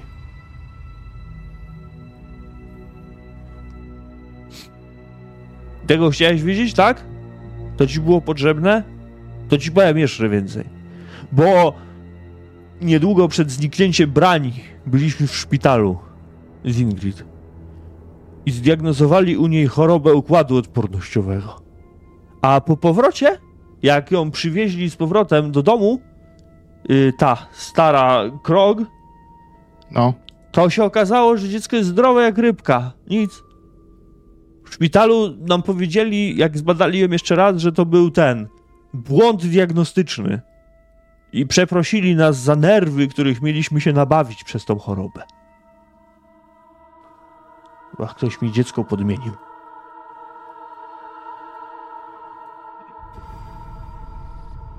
Dobrze, Ingwer. Dobrze. Ja spół... to, bo ja świeciłem na niego cały czas, spuszczam ten, te światło z niego. Dlatego teraz mieszkam tutaj. Podchodzę do niego bliżej, bo ja stałem dalej, bo śmierdział. Niewiele ci to kurwa pomoże, ale. Ale ja ci wierzę. I ja mu chcę. Ja wyciąg wyciągam jakieś e, z portfela jakieś 500 koron, mhm. dając mu, wyciągając do niego, mówiąc: Ja ci wierzę. Wymyj się, bo kurwa śmierdzisz. Ale możesz mieć więcej racji niż sobie, niż sam sam myślisz. Nie, to wiem. Ola. Nigdy cię kurwa nie lubiłem, ale jesteś jedyną osobą, która mi przyznaje rację. Ogarnij się jakoś. Może za jakiś czas ona wróci. I dobrze by było. Pierdolisz. Posłuchaj mnie, kurwa. Dobrze, żeby było, żeby miała i matkę, i ojca. Jak coś wiesz, to mi powiedz. Na razie nic nie wiem, ale obiecuję ci, że ci powiem. Naprawdę. Jeżeli będę wiedział coś na pewno, to. To ci powiem. Zawsze tak gadacie. Ale dzięki. Może wezmę te pieniądze i nie, prze, nie przepiję ich. Nie przepiję. Jak on bierze je, to ja odchodzę. Mhm. E, odchodzę naprawdę, że takim już... On się gramoli z powrotem do tego wagonu i słyszysz tego taki głośny szczęk, jak zamyka za sobą mhm. te drzwi. I szybkim krokiem, e, szybkim krokiem będę chciał iść do samochodu, wejść do samochodu i ruszyć w kierunku babki, tak naprawdę. Teraz już chyba naprawdę przekonany. Mm, przekonany i łącząc to wszystko, dodając jeden do, dru- do dwóch i, i łącząc wszystko w całość.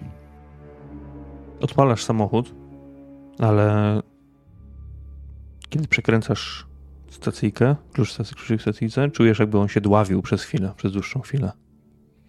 Jakby nie chciał w ogóle odpalić tutaj. Nie było ciekawe, jak nie, nie miałeś tego samochodu na, na wyciągnięcie ręki, kiedy, kiedy rozmawiałeś z Ingwarem, ale nie ma żadnych śladów dookoła, nikt tutaj przy nim na mhm. pewno nie majstrował, to też jest trochę z dala od cywilizacji. W końcu jednak, po, po dłuższej chwili, kiedy już czujesz, że napływa do ciebie wszystko, trochę widmo strachu i, i gorąco i wkurwienie tak naprawdę, samochód odpala. Światła rozświetlają las.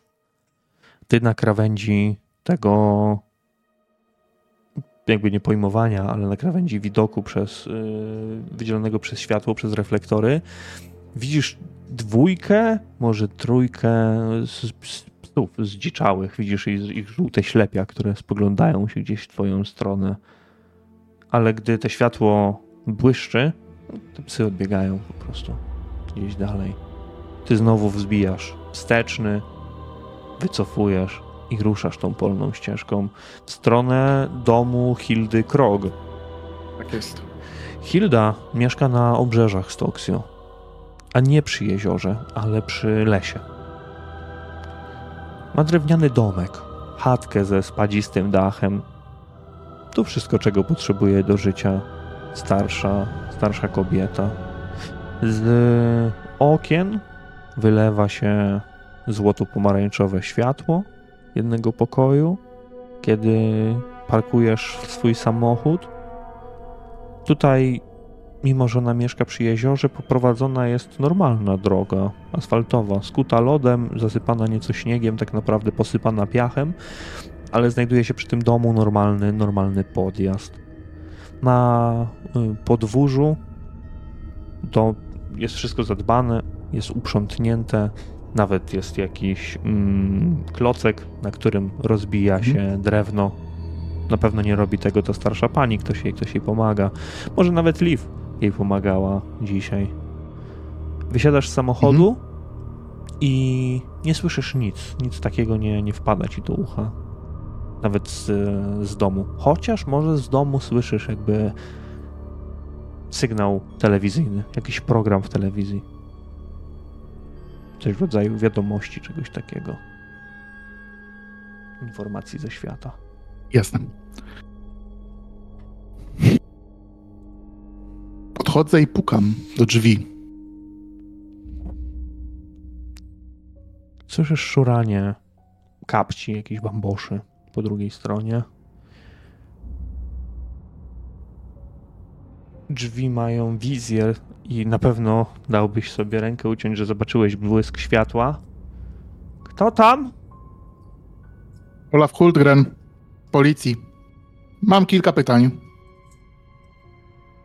Słyszysz brzdęk zamka, łańcuszka jeszcze, który się otwiera, jeszcze jednego i drzwi się uchylają. Liv już była dzisiaj u mnie. Już pytała, czy wszystko w porządku. Wiem, mam kilka pytań. Mogę wejść? No dobrze, dobrze. Proszę, ona otwiera drzwi, puszczając się do środka. Wnętrze tego domu wyścielone jest miękkim, czerwonym dywanem. Głębokie fotele, zakryte ręcznie haftowanymi narzutami, zachęcają do rozgoszczenia się, a w kominku płonie ogień. W mieszkaniu czujesz zapach kadzidła miodowego z dodatkiem ziół. Przekroczenie progu tej chatki zdaje się jakby bramą do starych lat. Lat, w których babcia gotowała ulubione potrawy, kiedy suszono mięso nad paleniskiem, a gromadka dzieci dokazywała, biegając po schodach w górę i w dół. Mądrość małych miejscowości płynie od takich osób, trochę tajemniczych, owianych aurą mistycyzmu. Tak jak powiedział Hjortur, kiedyś powiedziano by o tej kobiecie, że jest miejscową wiedźmą. Ona znowu szura kapciami, w stronę, idąc w stronę um, paleniska. Mam gdzieś telewizor, który ona teraz drżącą ręką wyłącza. Słucham, tak o tej porze. Przepraszam za najście, ale sprawa jest naprawdę pilna yy, i myślę, że pani jest jedyną osobą, która może mi pomóc. Możemy gdzieś usiąść. Yy, mam kilka rzeczy do pokazania. Yy, będę, będzie pewnie nam łatwiej. Proszę. Ona wskazuje na jeden z foteli, znajdujących się przed taką szklaną, szklaną ławą, osadzoną w surowym drewnie. Mhm. No, także zasiada e... na fotelu, który zaczyna trochę skrzypieć, bo ten fotel jest nieco bujany. Dobrze. Najpierw pani coś pokaże, dobrze? I wyciągam y, teraz tą notatkę tylko. Kojarzy pani to, prawda? I zresztą pytała o to dzisiaj, o tą sprawę no pytała, porwania. Ale ja to już nie dowidzę na bardzo. Już nawet okulary nie pomagają. Ja przeczytam pani część. Ja czytam o znalezieniu yy, przez nią tego dziecka. Yy, dowiedziałem się, że pani znalazła yy, branie przypadkiem w cegielni. No tak, tak było. Tu połowa miasteczka uczestniczyła w tych poszukiwaniach. No to i ja szukałem. 15 lat temu to ile ja miałam? 65, 64 lata. To jeszcze sprawna była. Szczęście miałam takie. Trafiłam, trafiliśmy na dziecko nieopodal starej cegielni. Ej, tam mm -hmm. na wyjeździe ze Stoksio. To przyprowadziliśmy do domu. Zziębnięte było, raczkowało sobie. Rozumiem, rozumiem. Yy, proszę pani. Proszę pani, a rozmawiałem dzisiaj z komend byłym komendantem, z Hjurturem yy, i powiedział mi, że jest pani osobą, yy, że zresztą żyje pani pani e, przodkowie oraz, oraz inni mieszkańcy w takiej części Stioksie, która jest takie stare, starszyzna można powiedzieć, ludzie, którzy wiedzą coś na temat y, tutejszych obrzędów. Proszę powiedzieć mi, czy wie coś pani o piaskowym dziadku? Piaskowym albo też, y, ja spoglądam tak do, do, do, do notatek, sennym? Może sennym też.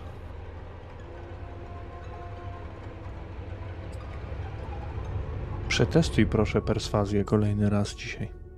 Jasne. 59 na 80, tak? Po- powiedz mi, czy. Albo nie, dobra. Czy tutaj stopnie trudności coś zmieniał? Nie, nie, nie. Dobrze. O, w takich tematach to ja bym. Ja bym poszukała w historii miasteczka i w legendach. To już zrobiłem, proszę pani. A proszę mi powiedzieć własnymi słowami. Kobieta patrzy na ciebie i nic nie mówi. Wpatruje się tylko w ciebie. Zapada cisza w pomieszczeniu.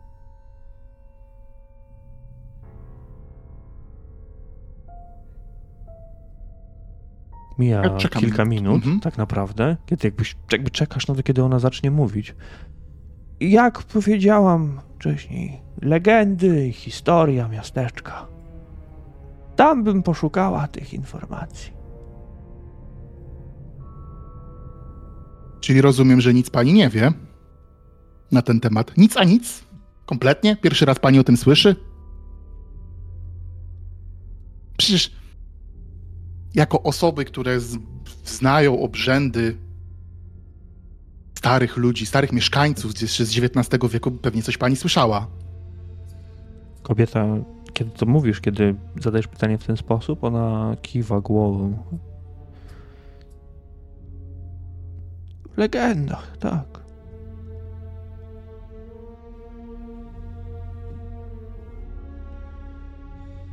Dobrze, a proszę mi powiedzieć, czy słyszała pani kiedyś coś takiego i chciałbym wyciągnąć telefon i puścić jej te nagranie z tymi rymowankami. Kiedy wchodzi element, w którym wchodzą te rymowanki i tak dalej, to słyszysz, jak kobieta pod nosem jakby też się powtarza. No to jest coś takiego normalnego jakby, jak, jak, jak, jak, u- Mhm. Ale słyszy też tamte, tamte fragmenty. E, I wtedy jakby skupia wzrok bardziej, bardziej na tobie. Przygląda się temu, jakby nasłuchuje. No, no przecież nie kłamie. Przecież nie zarzucam. wszystko, co wiem. Przecież nie zarzucam pani kłamstwa. Ale proszę zrozumieć, oba, mam pewne obawy, że komuś może stać się krzywda. Bardzo poważna. Ona, pokazu- ona unosi rękę, kiedy ty to mówisz i pokazuje palcem tak krzywionym na jeden z regałów. Mhm. Felieton Ingegard z maja 99 roku. Daję. I chcę podejść i wziąć to, co ona pokazuje i zacząć poszukać tego, co, co o czym mówi. Kiedy... Wiesz, ona pokazuje ci tylko orientacyjnie palcem, ale ty widzisz, że tam No. coś się znajduje w rodzaju klasera, takiego skoroszytu, w którym jest dużo jakichś fragmentów z gazet, czasopism i tak dalej. I szukasz tego felietonu, szukasz odpowiedniej, odpowiedniej daty i ostatecznie, ostatecznie znajdujesz.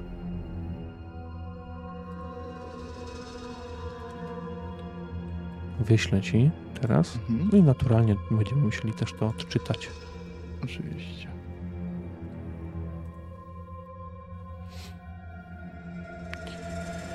Stoksje pełne tajemnic. Niewiele jest w kraju miejsc o równie tajemniczej historii jak prowincja Helbierg, a jednak w tym regionie kraju pod względem wydarzeń tyleż dziwnych co niejasnych królują okolice Stoksje. Choć mieścina ta liczy zaledwie 2000 dusz, zdaje się prosperować lepiej niż niejedna porównywalnej wielkości osada z bogatszych i bardziej dochodowych regionów.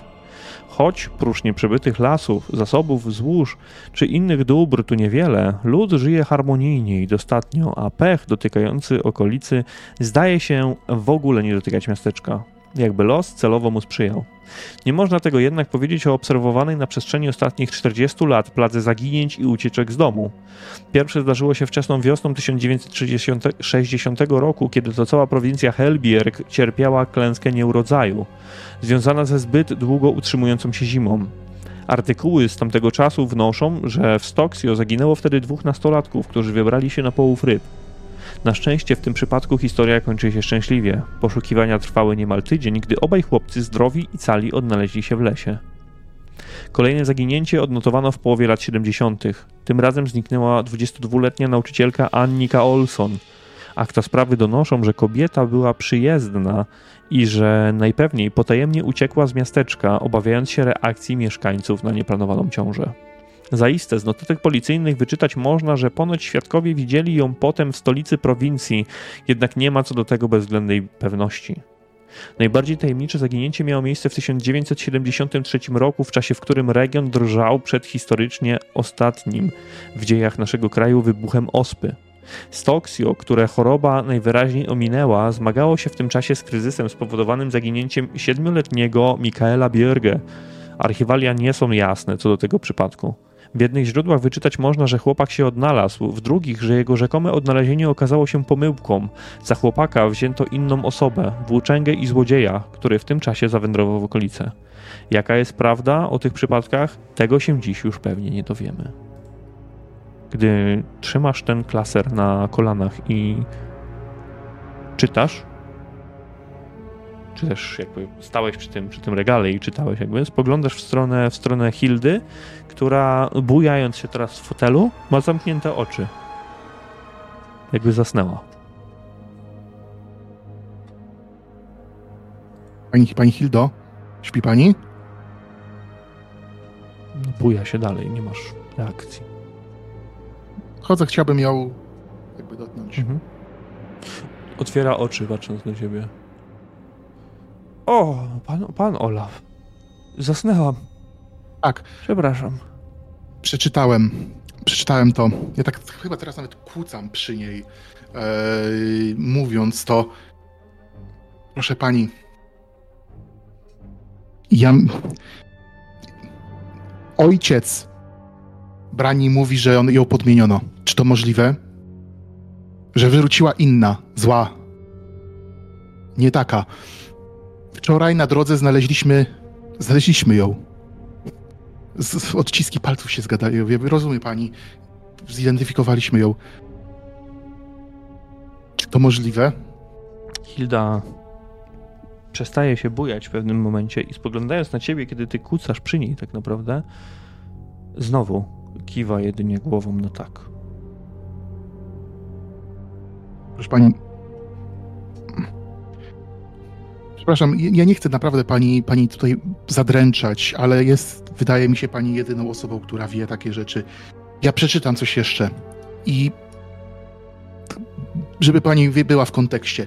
Ja bym chciał otworzyć e, na telefonie te notatki e, z tego dziennika i przeczytać jej tak szybko, e, głównie jeżeli chodzi o właśnie tego starego i tak dalej, co nie? Te, te, te takie bardzo mhm. enigmatyczne, dziwne, dziwne fragmenty myślę, że znaczy z tego jasno można wyczytać, że Jakub jest w niebezpieczeństwie. Czy wie pani, jak to, jak to można powstrzymać? Jak to można. Co można z tym zrobić? Kiedy pytasz o to, kobieta znowu nie odpowiada, ale teraz jakby przekręca głowę w bok powoli. A jej spojrzenie zatrzymuje się na płonącym kominku. Ja kiwam głową. Dobrze. Dziękuję. I tak jeszcze podnosząc się, cegielnia. Znowu kiwa głową. Odkładam ten klaser e, na jakiś stolik, albo nawet, albo dobra, na tą, nawet na tą szafkę, do tej szafki, gdzie on tam stał. Dziękuję. Dziękuję bardzo. Musi mnie pan kiedyś odwiedzić razem z Liv, mówi nagle kobieta. Ja tak w progu odwracam się. Tak. Na pewno. Odwiedzę. Wychodzisz. Tak. Nie widzisz już tego, kiedy, którym i w kiedy, kiedy, którym momencie i kiedy kobieta wstaje, aby zamknąć za tobą drzwi. Nie słyszysz tego haczyka, łańcuszka, skobla, ale światło nadal wylewa się na, na zewnątrz, oświetlając twój samochód teraz. Ciemność panuje dookoła, oprócz domu. starszej kobiety. Jest już późno. Trochę mhm. czasu, trochę czasu spędziłeś e, na tych, e, na tych rozmowach, tak naprawdę. Hmm. Najpierw jadłeś z Jorturem, potem szukałeś też trochę, trochę Ingwara. Teraz jeszcze rozmawiałeś z Hildą. Możemy przyjąć, że jest około 20 godziny. Mhm.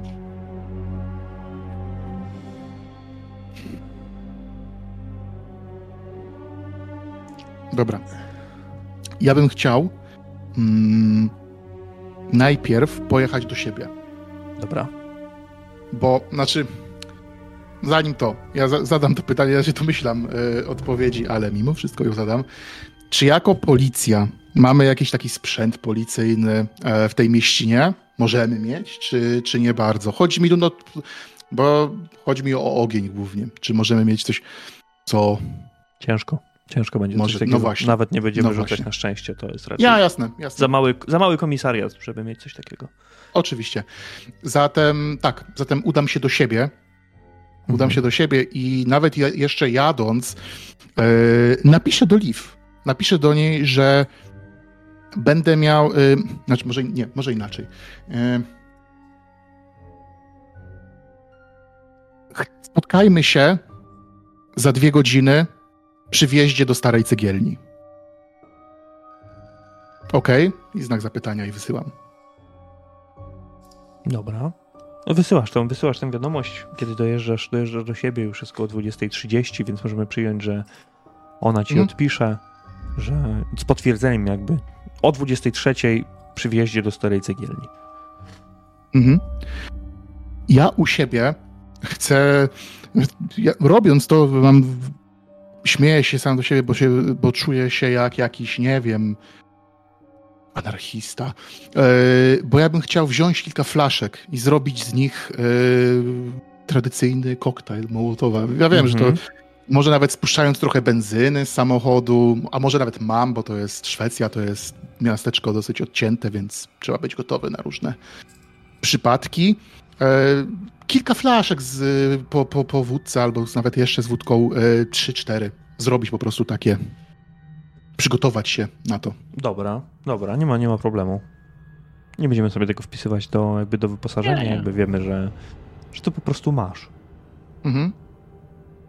I tak naprawdę, może nawet jak już to zrobiłem, e, ja to wkładam do jakiegoś, jakiegoś plecaka, który zarzucam Mhm. Może na plecy, albo później zarzucę na razie, to go włożę do samochodu. E, biorę przy okazji jeszcze jakieś łyka, takiego, takiego dobrego łyka e, jakiegoś alkoholu z butelki. E, wsiadam do samochodu i będę jechał do Liv na, na wybrane, na miejsce spotkania. Tak Dobrze.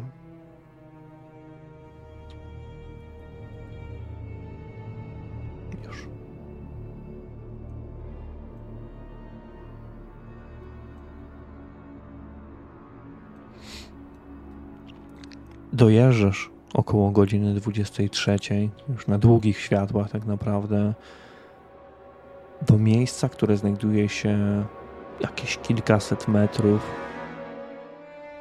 mm, od Twojego celu. Dojeżdżasz do zakrętu i do skrzyżowania. Tuż za tym zakrętem, tak naprawdę, od strony, z której przyjechałeś, wczoraj spotkałeś kobietę Teraz widzisz, że na poboczu, jakby już na zjeździe, ustawiony jest samochód zgaszony, ale z mimo wszystko wystawionym na dach kogutem, który można włączyć w każdej chwili. To rozpoznajesz ten samochód, to jest samochód twojej jakby asystentki, zastępczyni. Dziewczyna widząc światła, otwiera samochód, wysiada z niego, Czemu tutaj akurat? Coś wiemy więcej? Można tak powiedzieć. Słuchaj, ja. Istnieje podejrzenie, że w tej cegielni coś jest. Nie wiem, jakaś sekta, coś takiego. E... Wszystko tutaj prowadzi. I chciałem, żebyśmy to razem sprawdzili. Miej broń w pogotowiu bo coś mam złe przeczucia. Dobrze, dobrze, wzięłam broń. Na spokojnie. Ale jedziemy tam, czy idziemy na pieszo? Mm, pojedźmy, przepraszam, musiałem, zamyśliłem się. Eee, pojedźmy, ale razem, jednym samochodem, może moim. Dobrze. Dziewczyna wsiadłem do ciebie do samochodu. Tą cegielnię to zapinęli już dawno temu. No właśnie. Ale mimo wszystko znaleziono tutaj znaleziono tutaj moją córkę mojej kuzynki, Branie. A... Mówiłaś, że twoja babcia mówiła to jakby wiesz, jak na odpytce w szkole. Tak, tak, tak dziwnie. Tak dziwnie. Coś tu jest. Coś, co, coś z tym jest, z tym miejscem. Trzeba to sprawdzić. W pewnym momencie myślałam, czy szukać tej yy, brani, ale jakoś tak. W sumie mówił pan, że był u kuzynki, no to nie chciałam się aż tak przed szereg. Mogła się poszukać. Czemu? Jeżeli masz, jeżeli masz coś, jeżeli masz to, wiesz jak to mówią, to przeczucie, nic za tym. Ale w sumie nie. nawet nie wiedziałam gdzie. Też w sumie myślałam o tej cegielni, bo tutaj dużo się nastolatków spotyka. Ale no, to już nieważne. Podjeżdżacie nieco bliżej i tak jak w sumie opowiadał ci Hjortr, budynek wzniesiono w nietce, którą otaczają wysokie skały, obficie porośnięte roślinnością i drzewami. Teraz, gdy świecisz na cegielnie światłem samochodu, widzisz, że ściany tego budynku zdezelowano od zewnątrz. Zdobi je dzisiaj graffiti z napisami Soxio jebie, witamy w piekle, czy bardzo popularne wszędzie cztery litery A, C, A, B. W brudnym śniegu który znajduje się jakby na fragmencie podjazdu, na takiej rampie prowadzącej do środka tej cegielni. W momencie, gdzie w miejscu, gdzie ściana jest jakby wyłamana, zapadnięta, zauważasz ślady. Ślady. Hmm.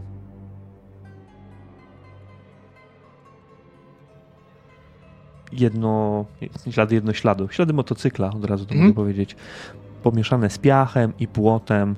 Kiedy wysiadacie, widzicie, że wszędzie walają się butelki, puszki po piwie. Okna zostały powybijane już dawno temu, a z dziur do środka wlewa się chłodne powietrze. Nie ma tutaj żadnego ruchu w tym momencie.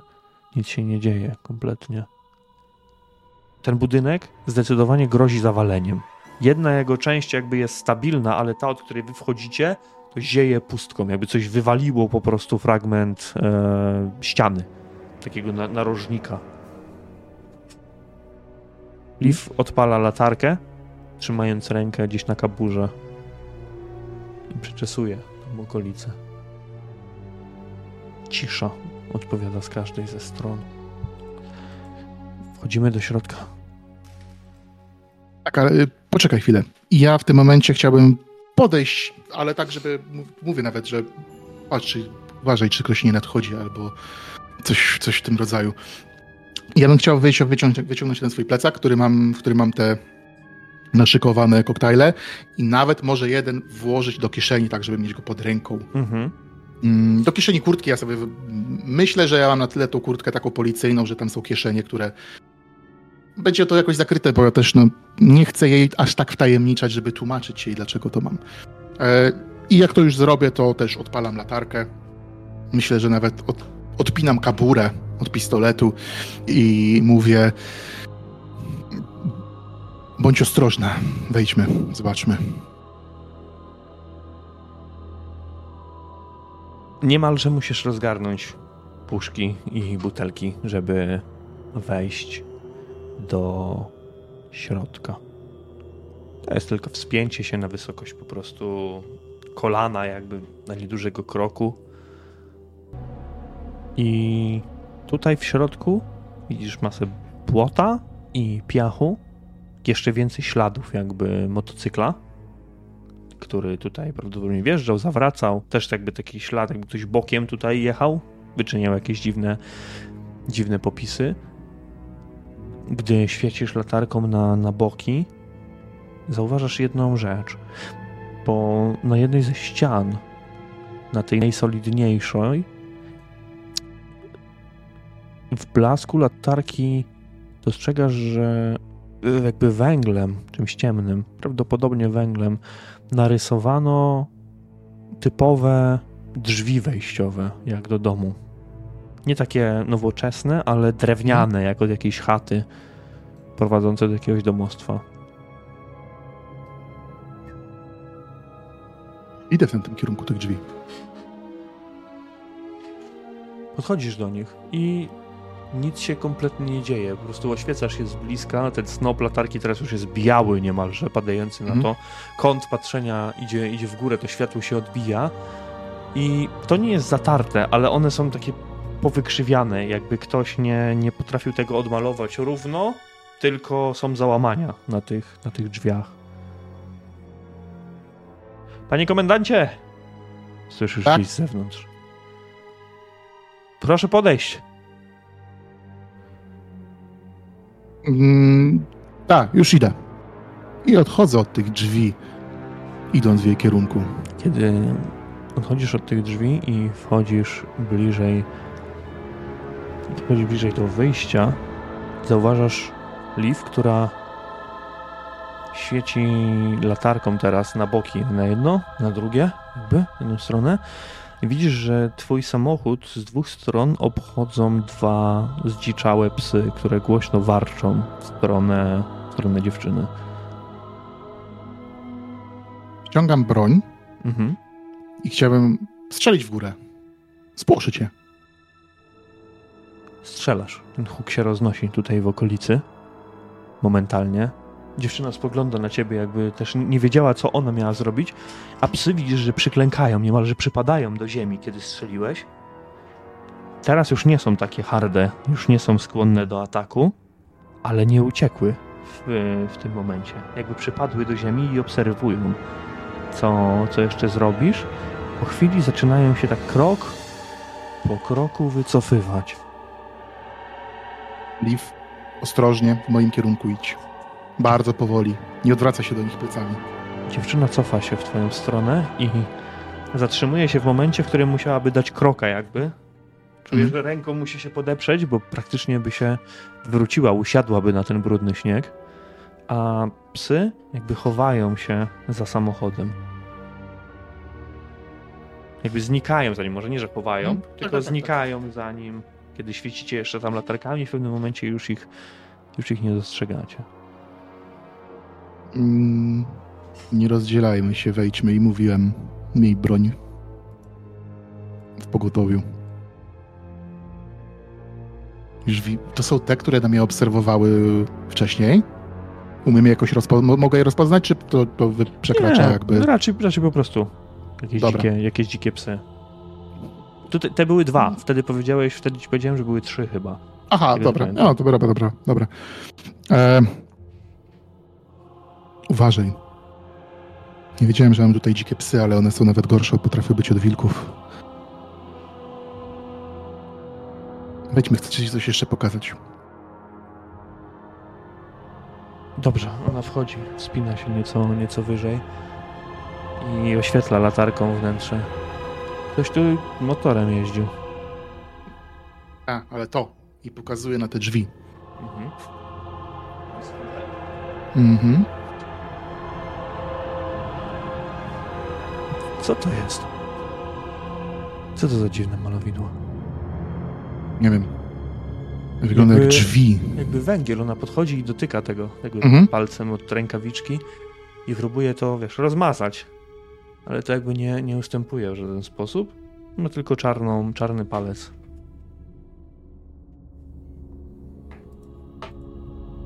Ja się rozglądam, czy tutaj coś jest jeszcze, cokolwiek jeszcze, co mogłoby nam, nas zainteresować? Nie wydaje ci się. Mhm. To, jest, to jest jedyna rzecz, która jest dziwna w tym momencie. Od środka też masz graffiti. Masz po, jasne, potłuczone, jasne. potłuczone szkło, ale w sumie okłamałem cię. Nie, to nie jest, to nie jest wszystko. Bo kiedy patrzysz pod swoje nogi, zauważasz jakby, może nie kubkę, ale zauważasz drobiny piasku, które są rozsypane przy tych, przy tych drzwiach. Przy tej ścianie, o tak, mhm. przy tych drzwiach. Jakby...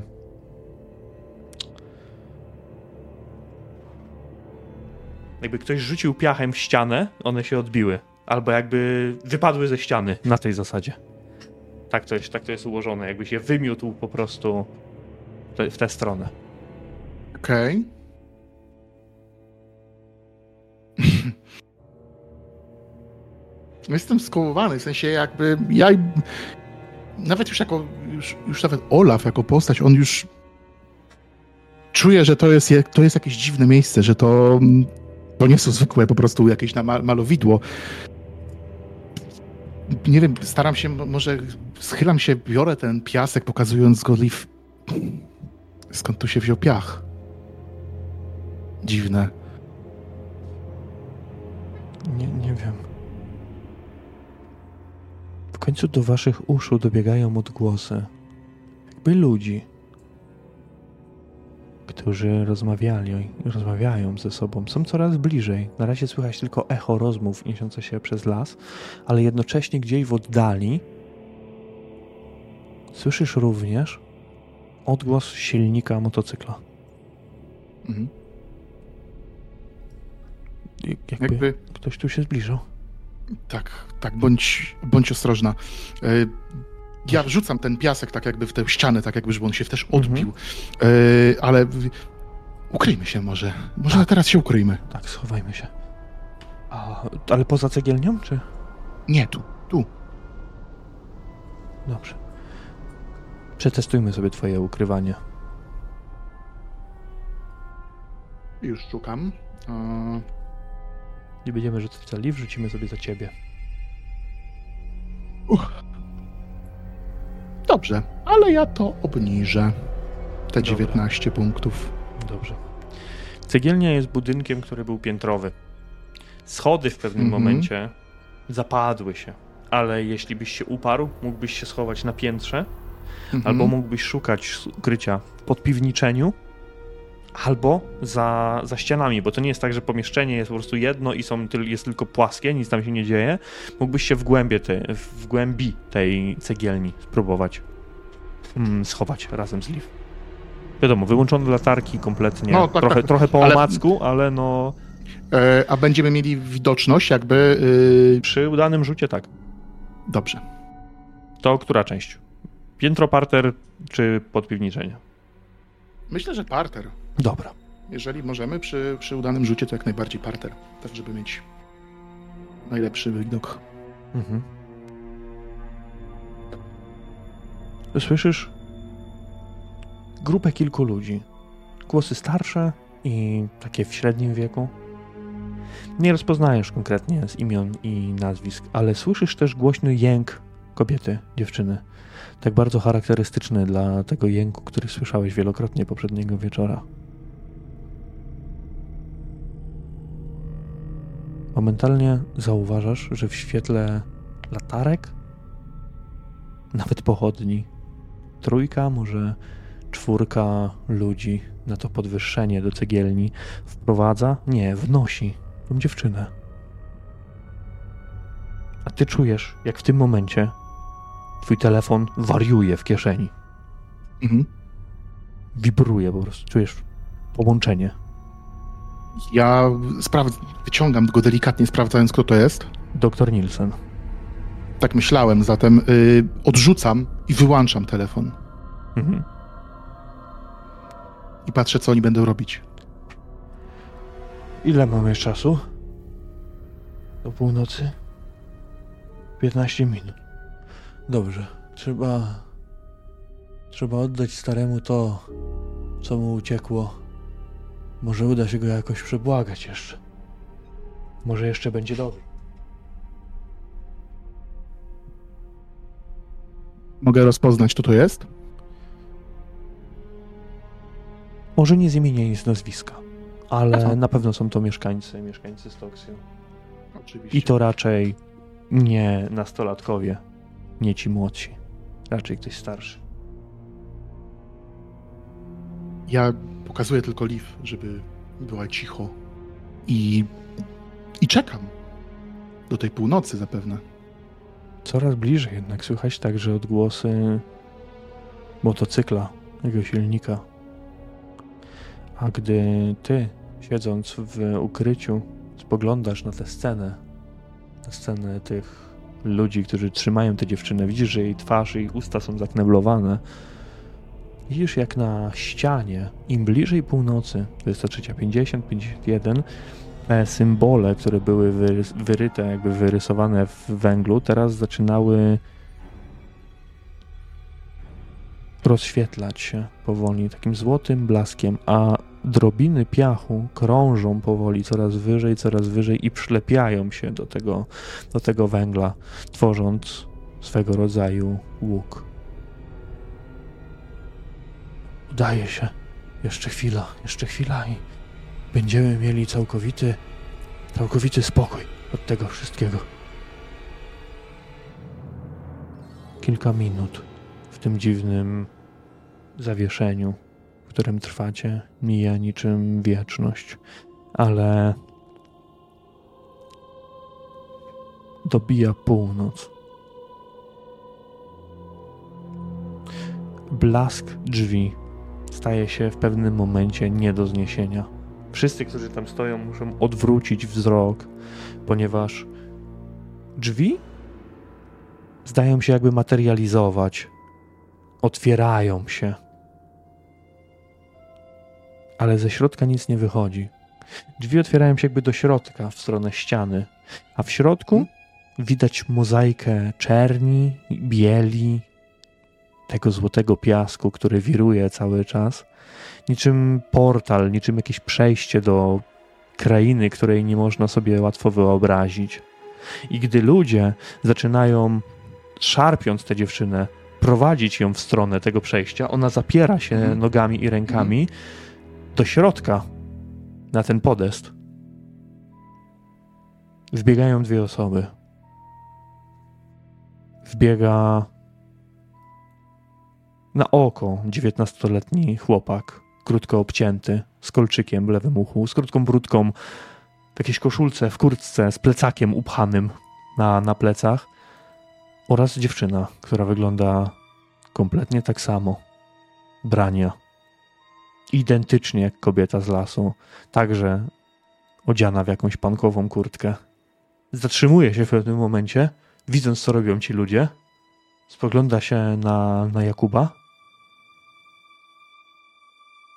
i patrzy się na tych ludzi. Ludzie także przez chwilę zatrzymali się w bezruchu. Jakby doskonale wiedzieli, co się dzieje, ale przytomnieją szybciej i raptem dwa, może trzy metry dzielą ich od tego miejsca, które nazywamy portalem. Ja bym tutaj chciał właśnie wkroczyć i szturchając Liv, mhm. wyciągam pistolet, mhm. wyciągam też tą butelkę i chcę wyjść. Chcę Dobry. wyjść i mierząc do nich, e, krzyczę jakieś takie policyjne formułki, że nikt się nie rusza e, i tak dalej. Na początek. Dobra. I mam nadzieję, e, tak żebyśmy się zrozumieli, mam nadzieję, że ona też wyjdzie. Jakby to, bo to było to szturchnięcie, że ona też wychodzi. E, oczywiście, jeżeli, jeżeli zechce. Naturalnie. Jak szybko Brania Madsen była w stanie zareagować. Ty wyciągasz tą, tą butelkę, wyciągasz pistolet i głośno krzyczysz. Brania w tym momencie zrzuca plecak, który miała na plecach i łapie Jakuba za, za kurtkę, ale łapie go tak że najpierw ciągnie, a potem go klepie w nią, jakby wiedział on, co ma robić, a ona w te pędy rusza biegiem w stronę tylko portalu w stronę tych, tych drzwi. Ludzie, do których wyszedłeś, zatrzymali się w bezruchu. Dziewczyna biegnie, a chłopak wyciąga za pazuchy długi nóż, jakby myśliwski, mhm. i nie patrząc na to, co się dzieje, rusza w twoją stronę, w stronę twoją i Liv, biegnąc, szarżując na was z nożem. Jaką masz zręczność, powiedz mi? Niewielką. 40. Jeśli chodzi o inicjatywę, on będzie pierwszy Mhm. i on spróbuje dobiec do ciebie i ciebie dźgnąć, ale ty masz dystans jeszcze, więc tak naprawdę Mhm. masz pierwszy tą rundę dodatkową. Dobrze. E, mimo wszystko, ja będę chciał wrzucić tą rozpaloną butelkę przez ten portal. Mhm. Może mając nadzieję, że Liv się nim zajmie. E, stawiam to jako. Obstawiam to jako ważniejsze teraz niż to, że on na mnie biegnie z tym nożem. To jest tylko nastolatek. Więc będę chciał podpalić to i rzucić. Dobra. Liv jest mimo wszystko zszokowana całą tą sytuacją i mierzy to do ludzi, to do jednego, drugiego, trzeciego, tam czwartego tak naprawdę, jakby w pewnym momencie nie zdając sobie sprawy, że, że ten Jakub tutaj szarżuje, że biegnie w waszą stronę. Ty podpalasz tą butelkę i ciskasz nią przed siebie, prost jakby w stronę tego portalu, do którego w tym momencie dobiega Brania. Mhm. Chłopak jednak biegnie w twoją stronę i będzie próbował ciebie, ciebie zaatakować.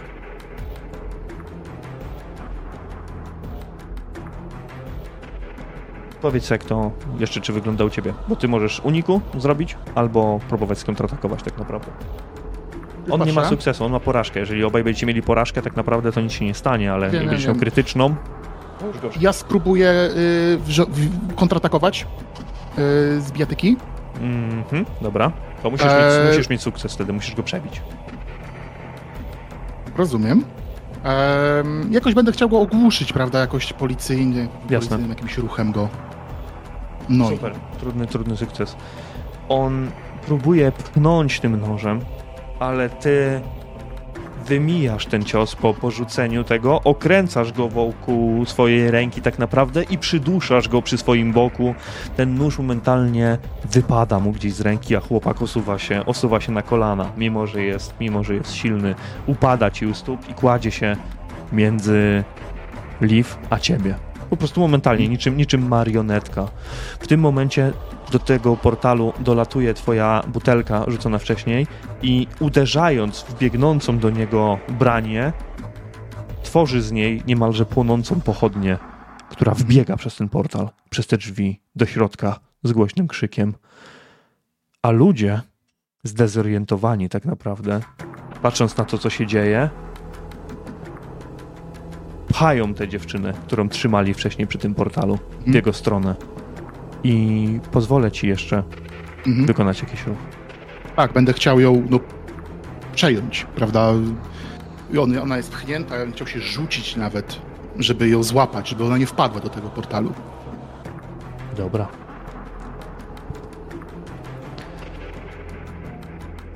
Na co? Chyba znowu na zręczność sobie rzucimy niestety.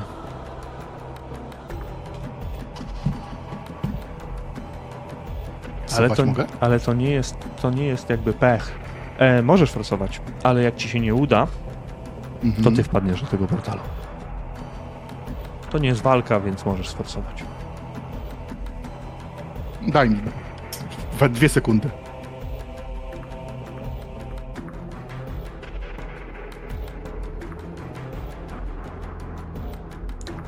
Dobra.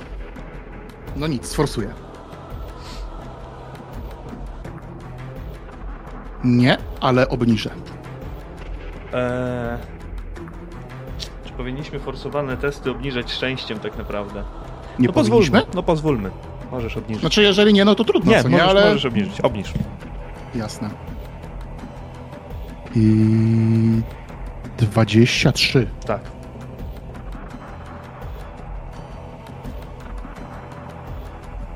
Dobrze, możemy, przepraszam. Rzucasz się w tamtą, tamtą stronę, w tamtym kierunku do tej, do tej dziewczyny, która siłą tego rozpędu, tak naprawdę ona nie chce, ale ona jeszcze łapie się tych dziwnych, prowizorycznych drzwi, tej ramy i może to jest czynnikiem, który, który pomaga, ponieważ dobiegasz do niej, łapiesz ją w pasie i rzucasz się z nią całkowicie, całkowicie na bok. Ci ludzie, którzy tutaj przyszli, nie myślą. Widząc, że to nie zadziałało, a ze środka pulsuje coraz większe, coraz większe światło, rzucają się w tamtą stronę, jakby chcieli przebłagać piaskowego dziadka. I wchodzą jeden po drugim, trzeci i czwarty. Światło blednie. I momentalnie przed wami pojawia się znowu ten sam obraz. Dziwnych drzwi, które spowite są aurą tajemniczości, wymalowane węglem. Tylko Jakub, który leży na ziemi, gdzieś obok Liv, która stoi nad nim i teraz w jego stronę celuje z pistoletu. Spogląda się na ciebie. Wszystko w porządku, komendancie? W porządku. Wszystko w porządku? W porządku, w porządku. W porządku, jest dobrze. Ja wstaję, oklepując się, podnoszę yy, tą dziewczynę. Podnosisz ją naturalnie i kiedy pomagasz jej wstać, słyszysz głośne Nie! Nie, co ty robisz? I kiedy Liv próbuje pomóc jakby chłopakowi wyszarpnąć z ręki jego nóż, który chwycił w tym momencie kolejny raz, chłopak zadaje sobie ciosy nożem. Kilka razy. W klatkę piersiową, w brzuch i ostatni wbija sobie głęboko w szyję. Umierając z e, imieniem Brani na ustach. Padając gdzieś w kałuży krwi u stóp Liv, która zdezorientowała się na chwilę, spoglądając w twoją stronę. Ten błąd młodości spowodował, że Jakub, tak bardzo oddany i zafascynowany branią, nie mogąc jej mieć, postanowił skończyć sam ze sobą. Ludzie zniknęli w tych drzwiach. Liv jeszcze podeszła do nich i dotknęła je tak na wszelki wypadek. Czy to oznacza, że nad Stoksio zapanuje spokój? Tego nie wiemy. Z tego, co wyczytałeś, za każdym razem, gdy zostanie złożona taka ofiara, stary dziad roztacza parasol ochronny nad miejscowością. Należało jednak wyprawić kolejny pogrzeb Jakubowi. Należało zająć się sprawą zaginięcia czterech mieszkańców Stoksio. I to wszystko spadło na Olafa. Napisanie notatek, rozpoczęcie śledztwa, utajnienie go, umorzenie, sprawienie, że świat zapomni, czy może nagłośnienie tego. I co, co z rodzicami prawdziwej wersji dziewczyny z lasu, tej, która nie była żadną podmienioną drugą, czyli branią, tą, którą trzymałeś w rękach jeszcze przez mhm. dłuższy czas. Jak ty widzisz, Olafie, to zakończenie? Ciebie zapytam, o nie. Z perspektywy Olafa, z perspektywy tego śledztwa i tak dalej, jeśli chodzi o ewentualne poczynania z branią, powiedz mi, czy chciałbyś, żeby ona wylądowała w szpitalu, czy chciałbyś spróbować skonfrontować ją mimo wszystko z, z Ingwarem, Ingrid.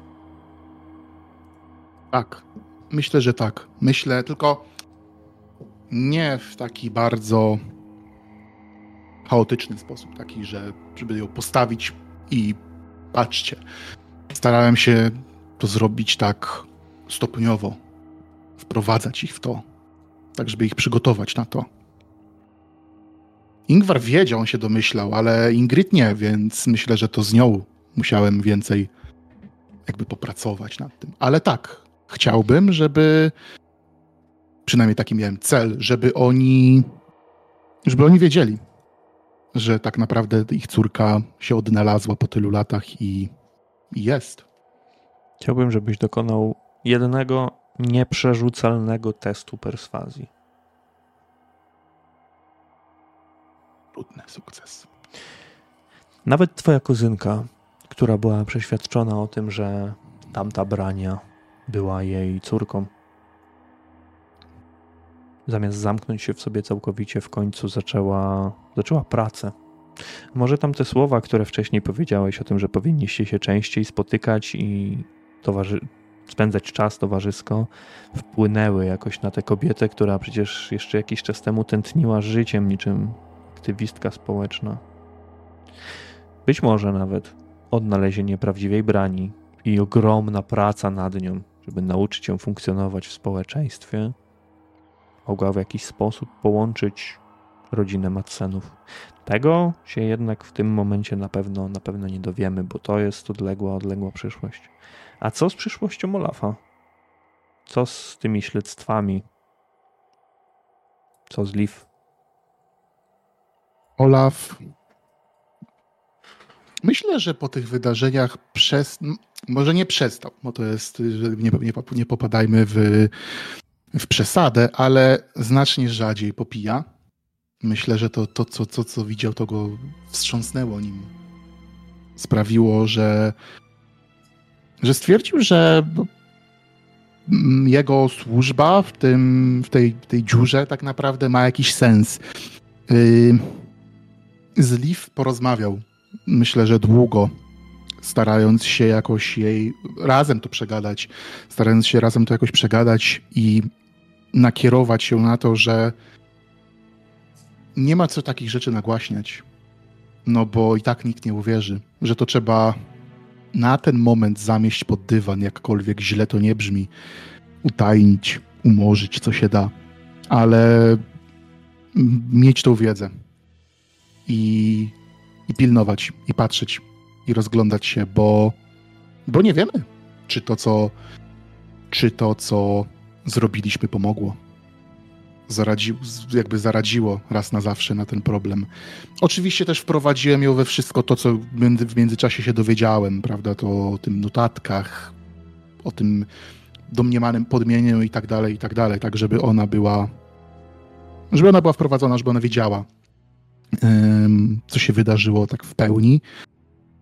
I może mówiąc jej właśnie nawet, że w przyszłości, kiedy nie wiadomo, kiedy może to się znowu wydarzyć, może ja już będę stary, będę taki jak Hjortur już na emeryturze, może to ona będzie musiała właśnie stawić czoło temu czemuś. Wydaje mi się, że tutaj możemy postawić sobie kropkę w tej hmm. historii odpowiadając jednocześnie na pytanie z początku naszego streamu, może nie nagrania, ale streamu, dlaczego tak właściwie ten scenariusz nosi tytuł Druga. Dziękuję Ci bardzo, Filip, za tą Dziękuję bardzo. Dziękuję.